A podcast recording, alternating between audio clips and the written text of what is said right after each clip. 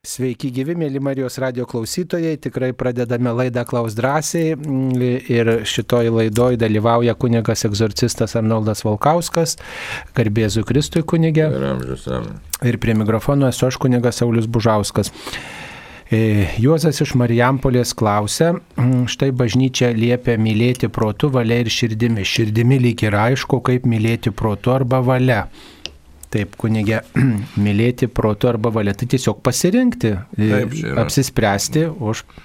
Čia labai svarbus pagarbą. dalykas, matai, širdimi, širdimi netaip aišku iš tikrųjų, valia ir protu aiškiau yra. Protu supranti, priimi, apsisprendi ir valia pasiryšti ir vykdai. Ką tai reiškia? Galbūt, sakysim, uoš, nu, kaip pavyzdys gali būti, uošvenė man nelabai patinka, širdžiai mano, ne? Kaip pavyzdys galim pajokauti truputėlį. Bet aš žinau, kad Dievas man liepia gerą daryti ir aš daimu ir darau. Gal būtų šitaip. Taip, e, esu Anglijoje ir lankau katalikų bažnyčią, bet yra kalbos barjeras. Ar išpažinti nuodėmės galima lietuviškai, kai kunigas jų nesupranta, kitos galimybės neturiu. Na, lietuviškai gal nereikėtų išpažinti, bet tiesiog gal pabandyti pabandyti išsiversti. Dabar yra tos programėlės, įvairios programėlės, kur galima tiesiog kompiuterį surasti tuos žodžius ir tiesiog kunigui paduoti raštelį už, užrašius ant, ant, ant šito, ant lapelio nuodėmės anglų kalba, tiesiog bent e, užrašyti apitikslį skaičių ten prie tos nuodėmės, kad būtų, sunkia, tai, kad būtų maždaug kunigui aišku, ar ten vieną kartą padarėt kažkokią nuodėmę ar kitą. Dabargi galima, yra jeigu naudojatės šitą internetu yra tokios programėlės, kur išverčia iš užsienio kalbos į kokią Žino, nori kalbą. Jeigu tokios nežino, tai gal paprašykit, kad jums kažkas parodytų arba atverstų, kaip sakant, internetinį puslapį ir jūs tiesiog suvesit į vieną skiltelę žodį lietuviškai, kitoj išmes angliškai, paskui ištrinsit, kad kas nepastebėtų. Tiesiog angliškai ant lapelio tą žodį užsirašysite nuodėmės pavadinimą ir tokiu būdu vat, galėsite atlikti išpažinti. Taip, mums paskambino. Iš Utenos mums paskambino Ona. Taip, ponute, klauskite. Garbėjai. Per amžius. Noriu paklausti, ko aš niekaip nesuprantu. Kai medžiamės išventą dvasę ir pabaigoje sakome, viešpatė, išklausyk mūsų prašymų ir suteik mums pagalbą, prašoma per Jėzų Kristų mūsų viešpatį. Taigi prašome patį viešpatį per viešpatį. Ačiū labai sudė. Taip, ačiū. Štai, kad Jėzus yra išganytojas, tarpininkas tarp Dievo ir žmogaus, bet per jį mes gaunam šventąją dvasę. Jeigu ne Jėzus, mes, aišku, galėtume šauktis kaip ir Mozės laikais, jie šaukėsi Dievo, bet paties Dievo jų tarpe nebuvo, Jėzus yra tas, kuris yra mūsų tarpe. Tai štai čia visas mūsų tikėjimo labai gražus rūmas. Dievo malonės pasireiškimas yra, kad būtent Jėzus yra tas, kuris įsikūnyje, kad žmogus galėtų per jį bendrauti su Dievu tiesiogiai. Tai va, taip, kad šventoji, aišku, visur trejybė veikia, bet čia yra tokia trejybinė formulė, doksologija, visa pabaiga maldos, bet žinom, kad išganimą mes gavom ir šventą dvasę taip pat gavom per Jėzų, nes Jėzus ką pasakė, aš atsiųsiu jums globėją, godėją šventąją dvasę. Tai va, taip, kad už tai ir užbaigiamos visos maldos, kad mes išganimą gavom per Jėzų. Taip, Jėzaus dėka šventoji dvasia arti mūsų. E, Taip, e, dabar dar viena žinutė. Kalėdos tarp savų nepraktikuojančių katalikų, kur galiu būti druska, ar tarp e, tų, kus tik vykdo Dievo valią, tas man ir brolis, ir sesuo, ir motina. Na tai kur galite būti druska? Pirmiausia, artimo meilė galite būti druska. Parodyti pagarbą, dėmesį tiem žmonėms, na, nevertinti jų tiesiog, bet priminti, kad štai šita šventė yra, turi krikščionišką tokią praktiką ir tiesiog susėsit visi prie stalo, tai pirmiausia negriepkite silkių, ne, nepulkite valgyti, yeah. bet tiesiog jūs sakykit, nu, vad, dėkoju, kad susirinko, tiesiog jūs imkitės iniciatyvą, kad galėtumėte, kaip sakant, tą vakarą pravesti, kad pirmiausia jūs padėkotumėt jiems, kad susirinkote, ačiū visiems. Ir tiesiog paprašytumėt palaimos jiems, te globoja jūs Dievas, te apdovanoja sveikata, palaima, te padeda jums gyvenimo kelyje. Ir tiesiog nežiūrėkit jų reakcijos, bet tiesiog pakartokit tėvę mūsų maldą, jeigu galima dar ir sveika Marija, ir garbė Dievui, paprašykit viešpats te laimina šitą vakarienę, te padeda ramybėj mums visiems praleisti. Tiesiog tokia va evangelizacija. Arba net galima maldynų pasinaudojant ir tos apie gėlės pravesti. Apie gėlės yra. Kartais, kartais, žinot, būna taip, kad net ir kalėdaičius bažnyčioje įsigijant, ten būna visa to pamaldų tokia įga namuose, kaip prie kučių stalo melstis, tiesiog ir Evangelijos ištrauką paklausyti, viską e, paskaityti ir kad kiti paklausytų, o šiaip tai padėkokit už kiekvieną dalyvaujantį. Yra labai įvairių kūrybingų tokių, kūrybingų tokių, žinot, žmonių, kurie vat, ir kiekvieno žmogaus vardą ištarė ir paprašo jam kažkokios ypatingos malonės tą kučių vakarienę. Nužiūrint, koks jūsų santykis, kiek jie priima jūs. O šiaip jūsų vat, ta tikėjimo nuostata, ta, tas palaiminimas, jūsų malda tai yra pakankamas ženklas. Ir dar svarbu nebijot pažeminimo, jeigu ten pasišaipys ar ką, žinai, tai nesvarbu, čia mūsų reikalas iš tikrųjų paskelbti Jėzų. Tai vat. Sakykit, aš jūs mane, aš jūs myliu, jūs gerbiu, jūs mane pagerbkite, čia čia ramybės vakaras, viską taip pat ir, ir nekreipkite dėmesio, kad gal sakys, kam čia kišė mums tas maldas. Nu, sakykit, aš pagerbiu jūs, jūs mane pagerbkite, mes vad broliškai sutarkim, vad taip. Ir nebijokit, kad jeigu net ir sulauksit kažkokios kritikos ar paniekinimo, jeigu nes, ne, nežinosit, kaip, kaip sakant, atsispirti tiems žodžiams, kuriuos jums tiesiog prikaišios dėl bažnyčios nuodėmių, dėl krikščionybės gal kažkokio trūkumo, kaip jie manys netikinti žmonės, tai tiesiog jūs, na, sakykit, na taip, yra visko, bet vat, yra ir šventė, nu, va, tiesiog. Man Jėzus. Man Jėzus, kuris yra Dievas ir aš juo tikiu ir viskas, jeigu neturit ką sakyti, tai patilėkit, nukreipkite kalbą kitą linkmę, bet žinot, nebijokit, kad bus kažkokio, kažkokio priešiškumo, žinot, kartais tas priešiškumas ir tokia įtampa prie stalo sukelia, bet jūs tiesiog nekreipkite dėmesio per daug. Taip, dar vien mums paskambino. Iš sostinės paskambino Danutė. Taip, Danutė, klausimas. Sostinės tai čia iš Kauno, reiškia. Taip. Garbė Jėzų Kristui. Per amžius. Danutė iš Vilniaus. Iš Vilniaus vis dėlto. Aš noriu paklausti tokį, nu, klausimą, mane Prašau. neramina. Aš mačiau regėjimą. Taip, E, Trumpai. gruodžio buvau kunigėlį pasikvietusi į namus, nes aš labai labai blogai vaikštų, į bažnytėlę jau nenueinu. Ir buvo kunigėlis, atlikau išpažinti, priėmiau ligonio patepimą, jis dar mano kambarėlį pašventino viską. Vakare, neatsimenu kurią valandą, gal aštuntą, kai vakarinės maldas visuomet kalbu. Ir aš turiu madą išjungti šviesą tamsoj ir dar užmerkiu kartais akis. Čia Taip. pas mane ant staliuko, tai prieš, mano, prieš mane stovi Marijos statulėlė, kryželis ir e, Dievo gailestingumo paveikslėlis. Aš užmerkus akis patiriauju. Nežinau ką, ar sveika Marija kalbėjau, ar tėvė mūsų, neatsimenu. Ir staiga aš pamatau Jėzaus veidą. Bet čia buvo bliksnis.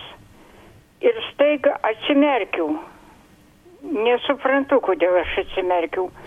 Ir vėl greitai užsimerkiau, bet aš daugiau jo nemačiau. Ką tai reikštų? taip, ačiū. Šiaip nieko nereiškia, reiškia, iš tikrųjų bažnyčia moko kokiais regėjimais ne, netikėti, taip kad tiesiog galėjo būti įsivaizdavimas, galėjo būti tiesiog fantazija, galėjo būti, kadangi mintis apie Jėzų buvo. Bet pagrindinis dalykas yra tiesiog visiškai nekreipdėmėsi į tokius, nei tokius, nei kitokius dalykus, tiesiog žinot, aš tikiu Jėzų, pasitikiu, priimu švenčiausiam sakramente ir man to užtenka. Nu, dar kai kurie žmonės turbūt tokį pratimą turi, jei tai ne iš Dievo, tegul tai nuo O, manęs, labai gera mintis. nuo manęs atsitolina. Taip, tegul. taip, tai atsižadu viską, kas ne iš Dievo. Jeigu tai galbūt ir gali būti, kad Dievas jūs kažkokiu būdu sustiprina, žinot, vyresniam amžiui, pamažu mus viešpats ruošia tam susitikimui su juo, veidas į veidą. Tai, tai tiesiog per daug neįsigaskite, bet tiesiog ramybę išlaikykite ir tiesiog melskitės, kaip esate įpratus melstis. Taip, dabar dar mums žinutė yra tokia. E, Taip, klebonas, administratorius, materialinė veikla, kokios jų teisės, pareigos parapijų tikintiesiems. Nu, tai čia administratorius dažniausiai skiriamas tokiam laikinam periodui, o klebonas tokiam pastovesniam. Čia tokia pagrindinė turbūt skirtumas. Nors tas administratorius gali būti Labai ilgai ir, gali ir, ir ilgesnį laikotarpį, tačiau bet kada gali būti tiesiog atšauktas, o klebonas toks pastovesnis tarsi turėtų būti tokia jau praktika dažniausiai. E, O jų pareigos rūpintis jiems pats, patikėtais, e, patikėta bendruomenė. Tai pasauliečiai skamba kaip naudojami vietoje teistai, kad neįžeistų. Gal dar yra tikslesnis žodis?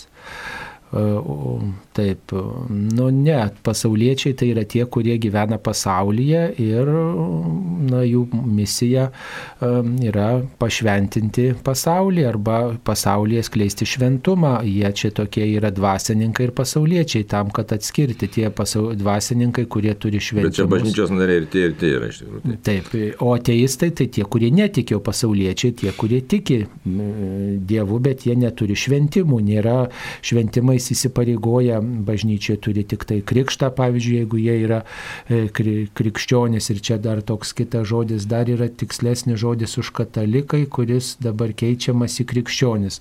Na, katalikai tai yra katalikų bažnyčios nariai, krikščionis gali būti ir liuteronai, ir, ir, ir, ir sentikiai, ir, ir, ir taip pat gali būti reformatai, ir, ir, ir stačiatikiai, ir, ir kit, kitų bendruomenių nariai. Tai toks yra ben, bendras terminas, bet kartu išreiškia ir tą vienybės siekį. Taip, gerai, taip toliau. Taip, mums dar čia tokia žinutė yra. Ar būties darbų atlikimas pagal mėnulio fazes, ar gydimas liaudiškais kanapių bei poniabudžio antpilais papiktina Dievą ir yra nuodėmi. Darbai pagal mėnulio fazes. Nu, žinai, ir taip ir taip čia, žinai, sunku pasakyti, nes čia, reiškia, tyrinėjimų reikėtų, kas juos atliko, žinai, kada geriau dyksta ar negeriau, nes mes negalim paneigti tokių dalykų kaip šitie potvinė atoslūgiai, tai galbūt ir, ir gamta veikia. Tai čia, tai čia nėra taip paprasta atsakyti. Tai sakytume, kad reikia paprastai žiūrėti, galiausiai ir ištyrinėjo. Jeigu tam suteikia kažkokį maginį pagrindą, tai aišku, tada bus blogai ir nuodėmė. O kanapių ir O dabar kanabo, da, kas nors tai čia yra augalai, tai naudok savo ir Veiklioji medžiaga, matot, jeigu Jo. mes veikliąją klausimas, medžiagą remiamės, kad, reiškia, tas, tas, tas a, augalas, ta, ta medžiaga turi tam tikros, reiškia, tokios vat, fizikinių, biologinių kažkokių savybių ir mes tą savybėmis naudojamės kaip Dievo dovana, tada nenuodėmė, bet jeigu ten tris kartus užpilt, keturis kartus nupilt, du kartus apsisukti, ten, e, nu tai jau tada prasideda prietarai, burtai, va. Ir čia kunigas turbūt tikrai nepritartų. Dabar dar Ar Marijos radijas neplanuoja transliuoti žuvelės laidų? Mm, Tai planuojam, bet, žinot, vis, visur kam? reikia resursų. Nu, kam? per Marijos radiją, kad būtų. tai geriau per žuvelę Marijos radį bus plačiau. tai, va, matot. Ne, tai šiandien dėl to, bet čia techniškai ar yra prasmė dubliuoti praktiškai. Taip, ar yra prasmė dubliuotis? Nu, svarbiausia, žinot, visų laidų neišklausysit, svarbiausia, kad jūs tą, ką išgirstumėt, pri- pritaikytumėt savo Jo, kad gyvenimą. žmonėm paplatinti, čia dėl viskas dėl mūsų tikėjimo daroma. Katekizmo komentarų laida, kokie ateities planai. Na, Komentuosim toliau, jeigu Dievas leis. taip, e, mums paskambino. Stasys iš Vilniaus. Taip, klauskite. Noriu paklausti apie dykumų tėvus. Taip. E, Kas jie, kur jie, kaip jie, nes mažai žinoma, bent man asmeniškai. Ir pajokaujant, gal yra ir dykumų mamos, Taip, dykumų taip, yra. motinos. yra. Taip. Gyvenimas dykumoje, jo bet kokiam žmogui yra ypatingai sunkus. Kaip man atrodo, ir labai sunkus. Jo, čia- Ir dvasininkui. Bet ten šita dykuma, aišku, pirmiausiai buvo ieškojimas dvasinės dykumos, bet čia jau labai, sakytume, anksti prasidėjo, gal net nuo antro amžiaus. Tai, taip, ką mes galėtume sakyti, toks hezikasnis tas judėjimas, jeigu dabar aš jau bijau pameluoti, bet jeigu tiksliau pasižiūrėti, bet ten tie pradininkai buvo. Šventasis Antanas Didysis, Abatas. jo, paskui Makarijus. Pakomijus, jo. Antanas tai ilgai gyveno, 105 metus net gyveno. Tai. Bet ten kokia įvairios tos dykumas buvo. Buvo Egipto ten dykuma, buvo ten Sinajos pusėsalio dykuma, Etijopijos dykuma. Ten nebūtinai turėjo būti kažkurie toli labai išėję, kiti gyveno šalia miesto, paskui pradėjo kurti vienuolynus, tokius jau, nes pamatė, kad vienam labai gyventi sudėtinga, tai pradėjo burtis į bendruomenės, tai Makarius Pahomijus ten pradėjo tas bendruomenės tokias kurti tos cenobitinius vienuolynus. Tai, o mintis ta, kad aiškia, ieškoti didesnio artumo su viešpačiu, atsisakant pasaulio. Tai Antanas Didysis arba Antanas Abatas išgarsėjo to, kad jis nu, pakankamai išsilavinęs buvo. Tai, ir, ir, ir, kaip sakyt, ilgai gyveno ir tie mokymai pasiliko užrašyti. Tai vienas iš tokių ryškiausių žvaigždžių buvo, bet nepaskelbtas šventuoju. Tai Evagrius Pontietis, tas labai išsilavinęs buvo ir daug raštų parašė. Tai, va, tai, ir ten tokios apoftegumos, aiškiai, iš tikrųjų surinkti pasisakymai E, tai kurio tikrai įkvėpė ir šiai dienai. Tai tas judėjimas ilgai truko, tai įvairūs tas judėjimas buvo, kas gyveno būtent vienuolintoje statėsi kokias nors lūšnas, kas olose gyveno, kas plyšiuose volų visokiausių, nu, įvairiai ten gyveno. Tai pindavo krepšius ir paskui Taip. tuos krepšius rankdarbius darydavo, tuos krepšius pardavinėdavo arba jiems atneždavo maisto. Dažniausiai pas juos žmonės ateidavo patarimo ir pagalbos kažkokios e, išaiškinti, padėti kažkokią situaciją arba kad pasimelstų už juos. Bet pagrindinė mintis, kad jie vis laik kuo labiau arčiau Dievo, reiškia visą gyvenimą pagal tą principą paprastą. Visuomet melskitės. Tai čia buvo toks ieškojimas, giluminis Dievo ieškojimas ir kad nugalėt kūną. Na, aišku, labai sunkus tas jų gyvenimas, tai čia ilgai galima šnekėti apie tai. Bet, ir, ir motinos tiesa yra labai ryškiausiai iš tų motinų, jeigu tokia tai Marija Egiptietė, reiškia, tai labai savotiškas jos gyvenimas, bet čia tik tai nėra laiko, gal ne, neįsiplėsime, ne? Nu, čia turbūt dabar jau nebėra tokių atsiskyrėlių, kurie gyventų po vynu. Yra, yra dar vienas kitas, bet nėra, nėra tiek išplitę, kaip pavyzdžiui tais pirmaisiais amžiais. Tai kažkaip prigėsų, turbūt apie 8 amžių prigėsų. Taip, jeigu dalyvauji kučių vakare piemenėlių mišiuose ir privaloma dalyvauti mišiuose 25 dieną per šventasias kalėdas. Na tai piemenėlių mišios jau yra išvakarių tos mišios ir tada 25 dieną per kalėdas jau galima ir nedalyvauti.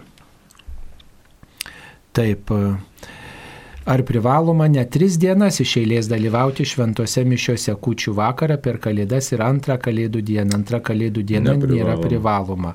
Bet e, paprastai žmonės na, tomis dienomis na, tą šventę taip įprasmina, ar ne, melsdamiesi, dėkodami Dievui už tuos e, žmonės, kurie gyveno pirmą mūsų ir buvo kankiniai, kaip antrą dieną minimas kankinys diakonas Steponas. Ar ilgalaikis antakių makijažas ir auskarų jausis vėrimas yra nuodėmė? Taip, čia pasakysiu, taip nėra tiesioginė nuodėmė, ne tas, kaip sakysim, jeigu tatuiruoti yra blogis, aišku, irgi galima nebūti nuodėmė, toks jau žalojimas savęs, bet, bet ilgalaikis makiažas irgi, kadangi prilyginamas e, šitą tatuiruočiais, nėra toks, sakysime, teigiamai labai žiūrima, žiūrima. Mes šito nerasime tiesiogiai bažnyčios nurodymės, čia galima pritraukti penktą įsakymą, nežudyk, arba Seno testamento tą, kur nežymėk, neženklink savęs. O šiaip tai galėtume čia rasti tik tai šitam dokumente Kristus gyvų vandens nešėjas tokias aluzijas į tai, kad savęs nereikia kažkaip tai ten ypatingai ženklinti, kadangi tai yra tos New Age laikmečio tokia apraiška. Tai va. Bet šiaip tai negalėtume sakyti, kad ilgalaikis makiažas čia yra labai geris, bet tokio sakyti, kad visiškas blogis irgi negalim sakyti. Tačiau jeigu taip egzorcistinė praktika, tai kiek egzorcistų pastebėjimas, tartautinių konferencijų, tai tikrai nepatarė, nerekomenduoju ir, ir kaip sakyti, pakankamą tų pagražinimo priemonių, kurios egzistuoja panatūralios kas yra egzekvijos. Kai buvau vaikas, bažnyčioje prie karsto būdavo gėdomos egzekvijos lotynų ar dar kokia kalba, jos ilgai užtrukdavo ir dabartiniu metu jos kur nors atliekamos. Taip atliekamos, tai yra, tai yra e, ritmetinė, dieninė arba vakarinė liturginė malda. E, liturginė valanda tokia mm, e, mm, kunigų brevijorius, kitaip sakant, arba vienuolių brevijorius už mirusius skiriamas. Ir kai kuriuose parapijose tai yra, yra daroma galima kalbėti, e, anksčiau gėdodavo latiniškai tik tai arba skaitydavo kunigas ir vargonininkas, o dabar kai kuriuose parapijose išdalinami tekstai ir žmonėms.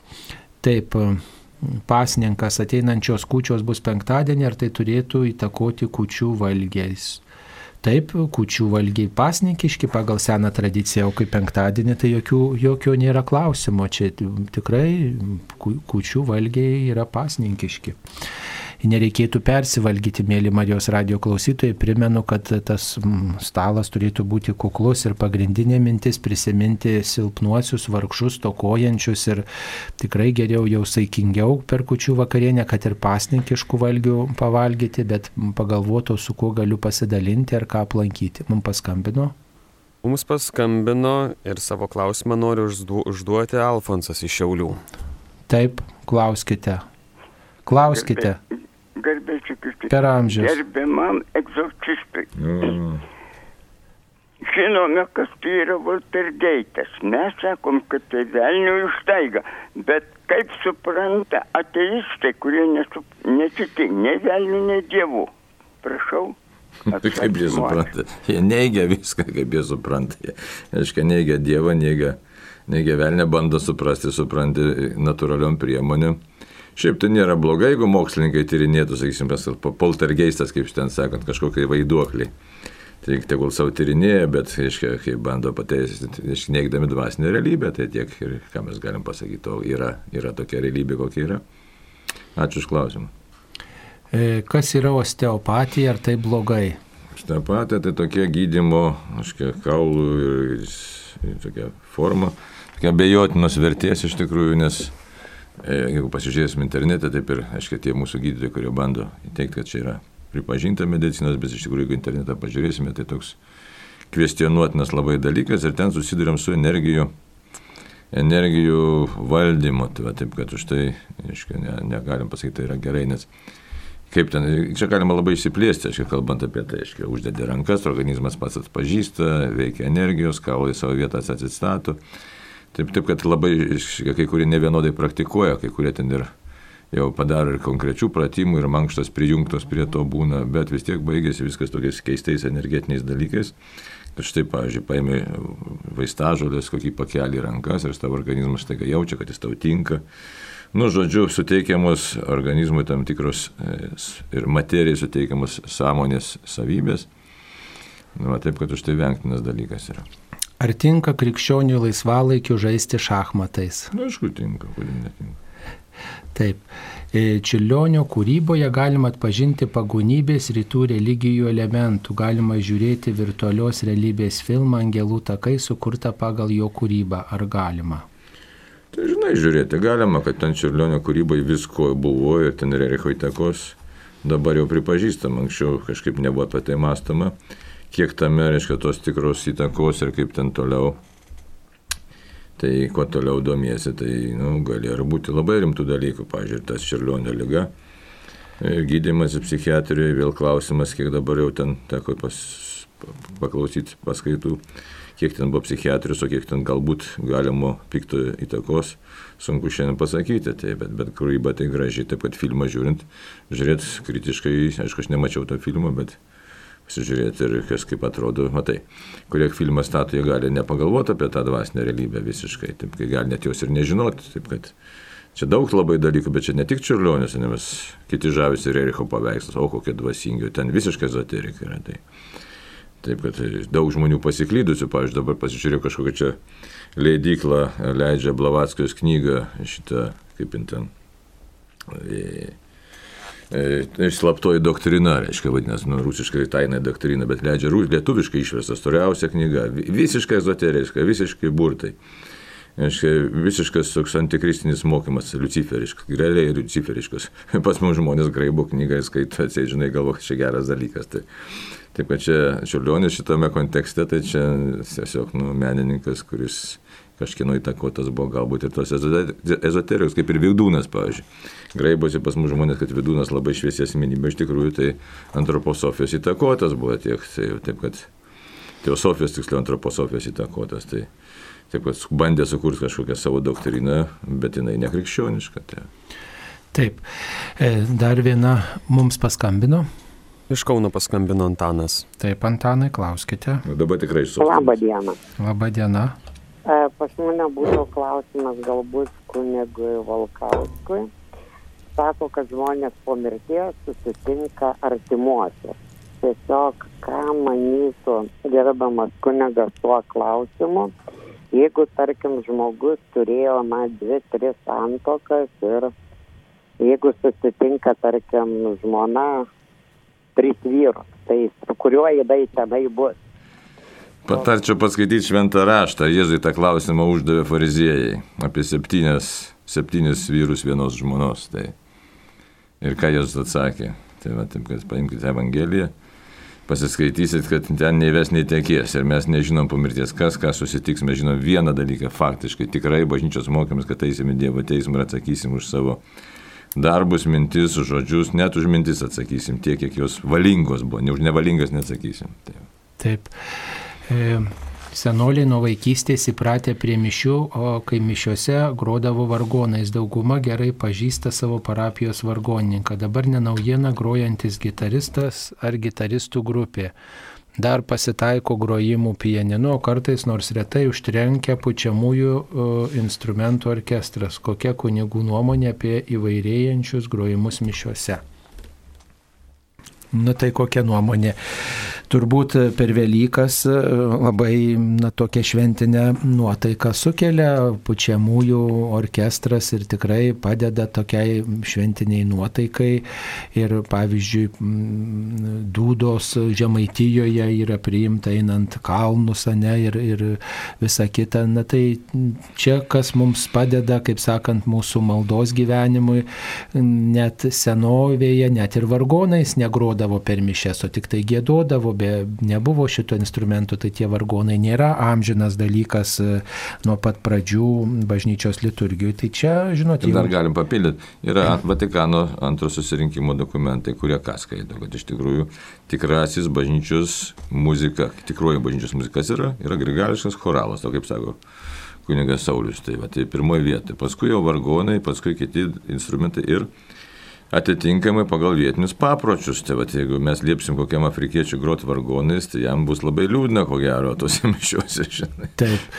Tai čia nuo kultūros, nuo tradicijos, galų galia jaunimui yra vargonai gal sunkiau priimtina, o, o, o vyresniems žmonėms gitaros nepriimtina. Svarbu, kad mes nesupriešintume, bet surastume laiką, būdą ir, ir, ir vietą, kaip sakant, vat, įvairioms raiškoms va, ir vieni kitiems pagarbą jausti. Šiaip tai įdomu, žinai, vargonai iš tikrųjų Karolio didžiojo atvežti iš rytų, turbūt 8-9 amžius, ne 8 ten, bijau sakys dabar. Tai iki to laiko nebuvo vargonų, tai reikia vakarų bažnyčiai vargonai prigijo, o, sakysim, rytų bažnyčiai, dabar, dabartinė ortodoksų bažnyčiai vargonai neprigijo, taip ir liko, aiškiai, tas jau balso valdymas, balso gėdojimas, sakysim, ar ten choralas, ar daugia balsis, ar viena balsis. Taip, jei naujagimiai nemiega naktimis, tegu tėveliai gėda litaniją, ar tai tinka. Nu tai aišku, aišku tinka. tinka. Taip, kodėl Dievas sukūrė Jėvą ir Adomą, blogį ir gėrį?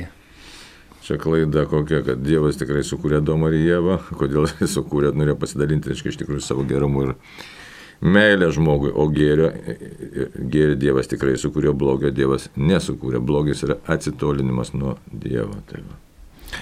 E, grįžo tėvas, kuris buvo šeimą palikęs ir visai save pateisina, bjaurių dalykų yra padaręs ir toliau daro. Trumpai tariant, man kyla e, tradicinės. Patricidinės suicidinės gal. Tie tėvažudystės mintis. Ai, tėvažudy. Per išpažinti dažnai pasakau, kad trokštų jo mirties ir jį vadinu bjauriai. Ką daryti? Vis norisi ir norisi, kad jis kuo greičiau mirtų. Na, sudėtingas šis dalykas. Dabar katalikų pasaulis išleis tokią knygą, reiškia, atleisti savo tėvams ir savo pačiam. Tad knyga turėtų pasirodyti, man atrodo, po knygų mūgės vasario mėnesį. Aš iš karto jau Galiu tik pasakyti, kad tikrai jau mačiau ją atspausdintą. Tai va, kaip būtent būti, čia labai sudėtinga tema, ką jūs čia, reiškia, pasakėt, nes, reiškia, tos nuoskaudos yra gilius, bet dar esmė kokia kad ta nuoskauda gyvena jumise, reiškia, aš žinau, čia jūs turbūt dukra, ar kas čia, ar viskas čia pasira, nepasira, Joana, Jona, tai va dukra. Tai va, tai dabar, aiškiai, tai aš nežinau, kiek jums metų ir, ir Dabar koks būtų tikslas prisirišti prie tos nuoskaudos, kurią tėvas padarė, tai čia nėra taip paprasta. Keli dalykai reiktų įsisamoninti, kad štai aš tikrai jaučiu nuoskaudą. Toliau būtų kitas etapas, kokia prasmė man gyventi toje nuoskaudoje, pamatysim, kad jokios prasmės. Tada įsivardinti reikia tikrai tai, ką, aš, ką tėvas padarė, yra blogis. Galima būtų pabandyti su tėvu pasišnekėti, ar tu supranti, ką tu padarėjai. Ir tada, net jeigu jis ir nenorėtų klausyti, tai pasakys, žinai, aš tau at, noriu atleisti, aš tau atleidžiu, nes be atleidimo jūs ramybės nerasite. Tokia yra schema iš tikrųjų. Taip, dar viena žinutė. Ar reikia melstis už negimusius kūdikius? Be abejo, turbūt melstis reikia už visus ir už tuos, kurie pirmą mūsų iškeliavo. Čia tokių įvairių teorijų yra iš tikrųjų, tačiau tai aišku, kad jie turėjo sielą ir mes, aišku, jeigu jie negimė, žiūrint, kodėl jie negimė, abortuoti vaikai ar taip nelaikų e, gimė ir mirė, ar iščiose mirė, įvairiausių situacijų būna. Tai jeigu abortuoti vaikai, tai juos raginama tiesiog žiūrėti kaip į kankinius, kraujo kankinius, jie tikrai būtų norėję, kad būtų pakrikštyti. Na, o kitus, tai vėlgi, tai visą laiką, aišku, gerai melsis už sielas. Jeigu net ta mūsų malda, dabar mes teologiškai, ne, neįmanoma mums teologiškai tiksliai įvardinti, ne, koks jų stovis būtų, nes jie nebuvo tikrojo krikštų pakrikštyti, bet melsis visą laiką už tas sielas galima, jeigu, jeigu tos mūsų maldos, sakysim, jau ten Dievas išklausęs ir jos, nu, galbūt žmogiškai žiūrint, atrodytų netikslios, bet jos tikrai niekur neprapuls ir Dievas tas maldas priims. Taip girdėjau apie graiko peigų bažnyčią Vilniuje, kuo, skiriasi, kuo jie skiriasi nuo, kata, nuo, nuo katalikų, ar yra sakramentai. Taip, graikų apieigų katalikai arba unitai tai yra e, Lietuvos, Lenkijos valstybės tačiatikiai, kurie 16 amžiuje 1596 metais sudarė su Romos katalikų bažnyčia Bresto bažnytinė unija. Tai yra stačiatikių bendruomenės dalis, pripažino popiežiaus valdžią ir priėmė e, katalikų visas na, tradicijas, dogmatiką, bet pasiliko savo liturgiją ir bažnytinę slavų kalbą. E, taigi ten yra katalikai, tik tai kita liturgija. Jie mini ir popiežių, bent keletą kartų mišiuose ir turi tuos pačius sakramentus kaip ir katalikai. Ir dalyvauti galima katalikams, tik tai turbūt nelabai suprasite tos liturgijos, nes jinai yra kita kalba. Bet katalikams dalyvauti galima. Taip, mums paskambino. Mums iš Kauno paskambino Mindaugas. Taip, klauskite. Labas rytas. Labas rytas. Su gražia diena, mėly krikščionys. Taip ir jūs taip pat. Pas mane toks klausimas. Artėja gražios metų šventės. Sėsime visi prie kučių stalo ir susiduriu su tokia problema, kad truputį pasidarau priešas prie to stalo, kadangi netoleruoju kalėdaičių dalinamasi su augintiniais, kuriuos labai myli. Hmm. Kaip čia va tas požiūris? Augintiniai tai kas? O kas tie, kas tie augintiniai yra? Šuniukai. Na, tai aišku. Na va, tai Čia net teisingai, nu, tokia su gyvuliais dalintis, nu, tai šventintą duoną, tai keista. Nu, dalykai. o kaip, kaip tada va, išspręsti tą klausimą, jeigu uošvinė, pavyzdžiui, ar kas ten duoda tą kalėdaičio gabalėlį? Tai tada ir komuniją duokim, ne? Nu, komunijos gal nedrįsta duoti, bet va kalėdaitį, kaip sakyti, negi hmm. dabar aš barsiu su uošvinė tokį ramybės vakarą. nu jo, čia visai nei galva netėma tokie dalykai. Matot, anksčiau tai tą kalėdaitį pabarstydavo ant maisto, viskas, kas yra pašventinta, kas skirta žmogui, žmogaus, tiesiai Dievo santykiui, tam pašventinimui Dievo žmogaus santykiui, gyvulėlis ir taip jau visai.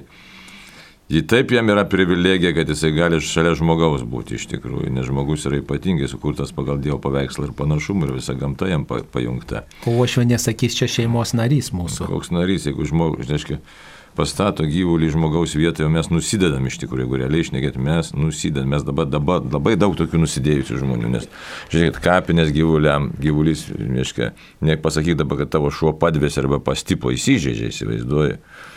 Tai va, daug tokių iškrypimų, nu, tiesiog aišku, kaip dabar kučių vakarą įvardinti, kad tu žinai, tavo mąstymas pakrypęs, tai tikrai tavo švinis supyk, žinai, susipyksi su visais, bet tiesiog reikia pasakyti, kad gyvuliam kategorija, nu kaip pasakyti. Sakau. Tai yra nuodėmė duoti ja. pašventintą daiktą gyvuliui.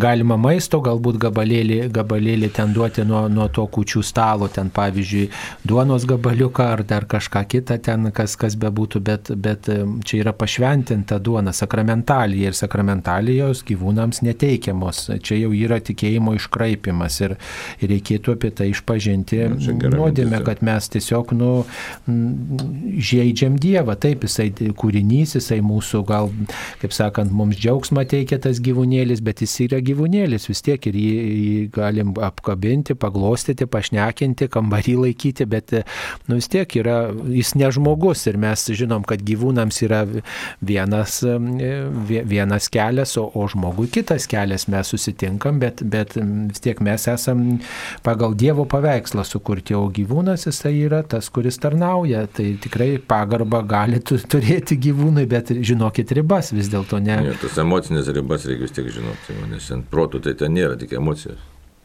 Taip, ar tiktų pasveikinti giminę su šventomis kalėdomis, užprašant šventasias mišes, prašant šventosios dvasios malonių? Tai aišku. Nu. Tai va matot, kokie gražų sugalvojot būdą, kaip pasveikinti artimuosius. Juozapas be abejo didžiai nusipelnė šventasis, bet ne Dievas. Kodėl pradžioje paminimi visi tie jo pirmtakų vardai ir tris kart po keturiolika kartų, juk jie Jėzui Kristui Dievo sūnui nėra protėviai, atleiskite už nenuvokumą. Čia turbūt turima galvoj vakar dienos Evangeliją. Mm, Taip, šitą Evangeliją ir kitą vietą reikia Evangelijos žiūrėti. Mintis yra tokia, kad tiek iš Marijos, tiek iš Juozapo pusės iš tikrųjų vyksta pra, pažado išsipildymas, kad, iškia, sąsoja su Dovydu, kad iš Dovydo namų kils, iškia, tas, per kurį įvykdomas pažadas Abraomui. Tai va čia, čia pati esmė yra. Tai va taip, kad čia yra du keliai tokie, vienas kelias, kad nuo, aiškiai, Marijos iki pradžios, kitas, kad nuo Abraomo įrodyti tiesiog, kad, kad tikrai iš Davido namų ateina išganytojas, kuris buvo išpranašautas. Čia todėl toks. Ir mes, mums jis mažai kalba, bet izraelitams tai kilmės knygos labai buvo svarbios. Tai. Nu ir be to reikia pasakyti, kad teisinė prasme Juozapas yra Jėzaus tėvas ir reiškia visas tas teisinės teisės, kokias turi Juozapas, turi ir, ir, reiškia, ir Jėzus. Va. E, tai dėl to ir ta kilmė tokia svarbi jiems. Teisiškai jis yra Abraomo, iš Abraomo atėjęs. Mm, taip, dabar apie adoracijas. Kas gali renkti, ar būtina bažnyčia, ar būtinai turi baigtis mišiomis, ar būtinai dalyvauja kunigas. Na tai aišku, kad e, švenčiausiai sakramentą išstatyti gali tas, kuris turi tam teisę, dažniausiai tai yra kunigas diakonas ir palaiminti gali taip pat kunigas arba diakonas švenčiausiųjų sakramentų. Adoracija dažniausiai baigėsi palaiminimu, o ne visada mišiomis. Mišiomis gali prasidėti adoracija, ne ne, mišios po mišių adoracija, palaiminimas ir, ir tada visi žmonės įsiskirsto. O be to visi neaiškus klausimai, yra peiginas dabar išleistas atskiras, reiškia, tos baltos spalvos, ten yra šeščiausios sakramento apėgos ir, ir visos adoracijos aprašyta. Bet aišku, čia klausimas gal jau gal pasaulietis, iš tikrųjų pasauliečiai tai negali statyti švenčiausio, nebent vyskupas. Turi leidimą. Turi leidimą. Vienuolė, ką, pavyzdžiui, vienuolynas. Taip, ar būtinai bažnyčioje, taip, dažniausiai tai bažnyčiose, nebent yra kita to, kažkokia priežastis, pavyzdžiui, kai būna įvairūs jaunimo renginiai, tai sakykime, ten kažkur, kur tas renginys vyksta, pastatoma speciali palapinė, nu tai tokia kaip ir laikina koplyčia, arba, pavyzdžiui, stovyklų metu kartais e, irgi va, tam tikra erdvė yra skiriama švenčiausio sakramento adoracija, na tai pastatoma tokia laikina koplyčia, bet dažniausiai e, dėl to reikia pasitarti mažų mažiausiai su klebonu arba su vyskupu rengiant tokius dalykus. Matai, čia atsakomybė didelė, kad švenčiausias nebūtų išniekintas, kad nebūtų, aiškiai, pajakaus objektas. Taip, čia, čia yra toks dalykas rengiant jau rimtas dalykas. Taip, taip mes turim užtikrinti pagarbą Dievui. Ar tikrai egzistuoja vaiduokliai, jei taip, kas juos regi? Kas yra vaiduokliai? Kur vaidenasi? Na jo, tai čia kaip piktosios dvasios pasireiškia, gali suprasti, kad taip ir kaip ir vaiduoklė, čia kaip pavadinsi. Tai jau. O kas regi, įvairiai gali regėti, tai jeigu dažniausiai regi tie, kurie į kontaktą su jais eina, bet nebūtinai, arba tie, kurie pradeda kovą su piktaja dvasia, irgi, irgi gali apsireikšti gazdindami. Tai, va, tai čia visai, visai gali būti. Tai čia. Taip, e, ar gali žmogus būti galingesnis už Dievą? Kaip jis gali būti galingesnis? Mes tik dulkė esame iš tikrųjų. Nu, bet Dievas gerbė mūsų apsisprendimą. Turbūt jeigu mes, reiškia, kaip čia pasakyti, pasirenkam prieš Dievą sukilti arba pasirenkam nuodėmę, tai Dievas tam tikrą prasme mūsų tą pasirinkimą leidžia, gerbė, leidžia. Tai kitaip sakant, leidžia Dievas mums būti tokiais tarsi ir galingais, kad aš darau tarsi ką noriu, ne, bet už tą turėsiu atsakyti vis dėlto, už savo pasirinkimus. Tai Biblijoje pasakojama, kad Dievas Jėvą sutvėrė, paėmęs iš Adomo šonkaulį. Tiek pas mane, tiek pas žmoną šonkaulių, tiek pa, tiek pa. Tai išeina, kad pas mane yra vienu per daug, ar pas žmoną vienu per mažai. Ar čia piktosios dvasios darbas? Dabar kaip pasižiūrėsim, reiškia, iš tikrųjų mintis švento rašto ten nėra anatomijos vadovėlis, kaip sako egzegetai. Mintis yra ta, kad štai žmogui reikia žmogaus, nes ten ir toliau, iš pradžios knygų ir taip kalbama, kad štai kūnas iš mano kūno, kaulas iš mano kaulo, nes ten prieš tai Dievas ką vedė. Daiktus pavadinti vardais, paskui įvairius gyvulius bendrystėje. Ir žmogus nerado atitikmens. Tai, tai čia kaip mes pasižiūrėsime, aišku, kad paėmė kūną. Čia vėl, aišku, galima labai, ir to buvo istorijos bėgiai, kaip interpretuoti, kas pirmesnis vyras, ar ne pagal šventą raštą, moteris paskesnė, ar kaip čia yra. Čia mes tau ar kartu sukūrė, nes paskui Adeno sode buvo kartu jie. Bet bet kokiu atveju, aiškiai mintis, tai pagrindinė yra mintis, kad žmogui, kas pasakyta Dievo, negera būti vienam. Tai štai. Taip, dar viena žinutė labai tokia įdomi. Magiją laikome blogų dalykų, štai grožinėje literatūroje dažnai būna gerieji burtininkai. Kaip vertinti Luiso ir Tolkieno knygas? Rašytojai buvo katalikai, knygos yra metaforos apie Jėzų. Teisybę pasakęs, Tolkieno neskaičiau. Tai ką nors pasakyti sunkiai galėčiau. Ar Levis rašė apie burtininkus, irgi nežinau.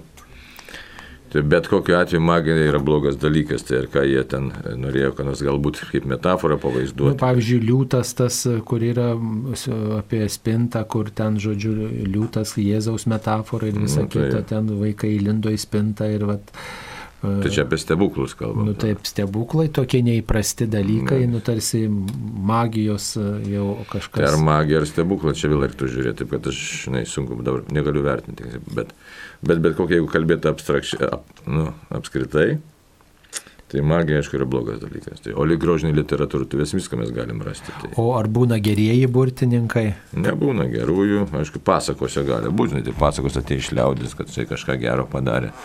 Bet jos jau su tikėjimu neturi sąsajų, suprantate, čia yra, nu, taip sakyti, tai ne, iš, iš kitos visai. Gėrio ir blogio kova kitų būdų ten vyksta. Na, ja. Taip mums paskambino. Mums iš Baisogalos paskambino Bronė. Tai Bronė klauskite. Garbėjai Zukristus. Per amžius. Aš norėjau paklausti dėl laidotojų. Pas mus dabar jau trys metai klevūnas yra, bet pirmą kartą pamačiau, kai atlydėjai bažnyčią numirėlį bet klebonas neišėjo pasitikti, nors laisvas buvo, tuščia bažnyčia, ne, tada spalio mėno buvo, rožinė kalbėjo tie patarnautojai, jis vaikščiojo po bažnyčią ir paskui išėjęs pasitikti Zakrastijonas, įvedė tą įnešę karstą. Nei varpais neskambinu, nu aš nežinau, aš tai labai noriu su bažnyčia laidoti, bet aš noriu, kad pirmą kartą man gyvenime, kad Klevonas neišeitų ar ten kunigas pasitik numirėliu. Taip, tai čia, taip, nu kągi. Tai jo reikia ir paklausti, ką mes dabar galime. Taip, mes negalim nieko pasakyti, mėloj nežinom įvairiausių aplinkybių, gal tiesiog klebona, žinot, užmiršo, galėjo ir toks dalykas būti, gal, gal kažkokio laukė, nežinau, dar kažkokio įvykio ar, ar, ar, ar skambučio, ar dar kokio žmogaus, žinot, svarbaus kažkokiu klausimu ir tiesiog atidėjo tą reikalą. Nu, turbūt svarbiausias dalykas, mėloja, ar ne kad kunigas pasitinka, ne kad ten kiek varpai skambina, bet svarbiausia, kad yra aukojama aukojamos šventosios mišios ir juose dalyvauja jūsų artimieji ir kad jie, reiškia, vat, prieina iš pažinties, meldžiasi, jie prie tikėjimo artėja ir už jūs meldžiamasi. Va tas yra svarbiausia, kad už jūs aukojamos šventosios mišios. Ne, ne, ne taip svarbu, kad ten viešpaties angelą būtinai atgėdotų, kiti ten mišios buvę, nebuvę ir ten egzekvijos, bet svarbiausia, kad būtų aukojamos mišios už jūs. Va čia svarbiausias dalykas. Na, dar svarbu, kad artėjimimiai patys tose mišiose dalyvautų. Taip, kad išpažinties prieiti ir komuniją priimtų. Taip, ir, ir... Irgi labai liūdna būna žiūrėti laidotų mišęs aukoju, nei vienas neina komunijos, tai gal palaukti. Tai kokį mes čia dabar spektaklį darom, žinai, ir vardant ko mes jį darom. Tai, žinai. Na, va, tai kad jūsų artimieji prie tikėjimo eitų ir kad jūs, reiškia, už jūs melstusi, va, reguliariai, tai va, tas, tas yra svarbu, o kad ten ar skambins varpais, ar ten bus tiek žvakių ant altoriaus, ar ten tokios giesmės bus gėdamos, nebus gėdamos, svarbiausia, kad yra mišios. Mišios yra Kristaus aukos sudabartinimas už jūs, ar ne? Dabar daug kur nebeneša kūno į, į bažnyčią, žinai. Taip, ne tik, kad jau kunigas nepasitinka. Aišku, gražu bet, nešti, bet žinai, bet. Daug. Bet, bet, ir, bet ir reiškia, ir taip pat ir, ir, ir, ir nebeneša net ir kūno. Taip, yra proga pastoracinė dalyvauti daugiau žmonių laidutuvėse, bet yra sudėtingiau galbūt organizuoti tą karsto įnešimą ir tas gal kainuoja ir laidutuvių tarnybos už tai pinigų pareikalauja, kad reiškia karstą neša, jos laukia. Nu va, bet tai čia yra kiti dalykai. Svarbiausia, kad yra malda. Taip, dabar dar viena žinutė. Šitą atsakėme. E, kiek gyvavo pirmosios krikščionių bendruomenės aprašytos apaštalų darbuose, kuriuose visas turtas buvo bendras. Ar prisimenat? Tai, jo, bet neilgai bent gyvavo ir prasidėjo. Susipyko. Prasidėjo rėtinos, atsiminkime, Anijas ir Safyra, kai pardavė dalį. Savo tiksliau turtą visą pardavė, apaštalams dalį davė, melavo, nu žodžiu. Žodžiu, prasidėjo ir jau apaštalas Paulius, žiūrėkit, ką rašo, kad jau ten intrigos ir taip toliau, taip kad žmogaus širdis yra vis laik nepa... baisiai pasiligojusi. Taip. taip, dabar dar vienas klausimas. Kas nutiko, kad žydai sukūrė mūsų tikėjimą, dabar nėra mūsų tikėjimo broliais? Tai trukdo man tikėti. Ne jie sukūrė, Dievas reiškia, apreiškė save ir žydai reikia atsiminti, kad nepriėmė Jėzus išganytojo. Tai apaštalas Paulius net kai jiems sako, sako, kadangi jūs nepriimate, tai jūs pas pagonis. Tai dabar ir nebėra mūsų tikėjimo broliais ir laukiam jų atsivertimo, nors jie turi tą išskirtinį statusą, bet ne, ne žydai kaip tautybė reikia suprasti, bet Dievo pasirinkimas per juos apsireikšti. Tai va, taip, kad apaštalas Paulius apie tai gražiai sako, kad kelmas, reiškia, tas likęs, ne tik tai šakos nukirstus ir niekas netrukdo Dievui atgal atgaivinti, mes esame įskiepyti tą kelmą. Tai va, taip, kad, taip, va, čia sako, perspė pagonį, sako, jūs nesididžiuokit prie žydus, kad jie liko užkietėję. Nes jie užkietėję dėl mūsų atsivertimo. Čia labai įdomi tokia schema. Jeigu jie būtų atsivertę, ką žinai, ar pagonys būtų tapę tapę krikščionimis, nes tada reiškia, ir toliau būtų likęs krikščionybė, tik likus tik tai kaip žydų tikėjimas, o dabar staiga jie nepriima, taigi Petras ir Paulius, iš tikrųjų, ypatingai Paulius, aišku, nuėjo pas pagonis, nu Petras jis kaip ir daugiau žydų buvo paštas. Nors ir visų, taip, taip kad tokiu būdu tikėjimas paplito, o žydai vis dar lieka užkėtėję, čia reikia vėl paskaityti paštlų laiškus, nes kitaip, kad jie tiesiog, sako, vis dar tebe gaubė jų akis tas Mozės gaubtuvas. Tai o mes at, atvirų veidų atspindime Jėzų. Iš tikrųjų, tai va taip dabar Už tai ir Vatikano dokumentuose, ką mes dažnai randam, reiškia, kad melstis už žydų tautą, už jos atsivertimą. Tai, taip, kad žiūrėti į tokius, kaip sakyti, į, nu, dar neatsivertusius, galim sakyti, brolius, bet kuriuos Dievas išsirinko, kad pasaulio preikštų save. Kol kas jie to nesuprato, bet, bet mes, nu, kaip sakyti, meldžiamės už juos, laukiame ir su meilė žvelgiam kaip ir į kiekvieną žmogų. Taip mums paskambino. Iš Vilniaus paskambino Gyta. Klauskite. Garbėsiu, Kristus. Per amžius. Mane visgi, vat kažkodėl, jeigu aš klystu, atsiprašau dievuliu. Toks klausimas, visgi pirmoji nuodėmė tai padarė danguje šitie angelai nusikaltė Dievui, kada jie pavirto šeitoniais ir tai buvo ištremti iš dangaus. O tada jau ir prasidėjo ta visa jau, jau nuodėmė po visą pasaulį tai dabar pirmoji nuodėmė Adomo ir Jėvos, bet jau jie buvo šeitono gundomi, jau šeitonas tai buvo, jau ta nuodėmė buvo. Negalėjo dievolis jį kažkokią negyvenamą planetą nuteikšti, bet jį nuteiškė į žemę, kur dabar mes visi vargstam. Gerai, klausysiu jūsų atsakymą. Tai jūs čia viską teisingai pasakėt, nu tai galėjo, aišku, bet mes Dievo planų nežinom. Tai, kaip sakyt, aiškinimas yra toks piktinai Luciferį, kuris tada, reiškia, buvo vienas galingiausių angelų. Ir visiems kitiems angelam buvo duotas išbandymo laikas, savotiškai toks išbandymo laikas, kad labai didelė gale buvo duota. Ir pajutęs tą galę, jisai tiesiog ėmė didžiuotis ir galvoti, kad jis yra tolygus Dievui. Tai taigi to išbandymo gale jis net laikė ir todėl sukilo prieš Dievą. Tai va, tai vienas išbandymo laikas. Tai toliau, reiškia, mes dabar irgi e, tokį, žiūrėkit, Dievas liepė, sako, neliesk to gero ir blogo pažinimo medžio, kitaip tariant, nelys ten, kur nereikia. Taigi Adomas ir Jėva neišlaikė to išbandymo laiko ir pateko į piktojos pastus. Tai dabar mes irgi gyvenam savotiškam savo bandymo laikė, kol čia gyvenam. Aišku, sunkus tas bandymo laikas.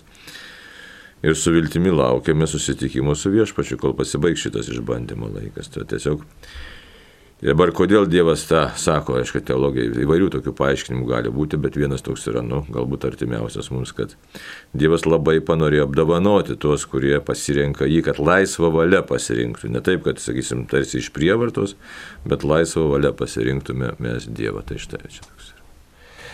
Štai vienas klausytojas prašo e, pakomentuoti Luko Evangelijos 19 skyrių nuo 1 iki 10 eilutės. Tai yra muitininko Zachiejaus istorija, kuo ji moko. Galite pasiskaityti patys, o štai ko ji moko, tai Moko, kad žmogus, kuris buvo toli nuo Jėzaus, tačiau susidomėjęs buvo, kas tas Jėzus, gėdijosi gal prieiti ir paklausti, užlipo į medį, tačiau Jėzus pastebėjo tą žmogų ir pakvietė mm, e, susitikti. Jis sako, šiandien man reikia apsilankyti tavo namuose ir Zachėjus sako, pusę savo turto atiduodu vargšams, jeigu ką nuskriaudžiau, atlyginsiu.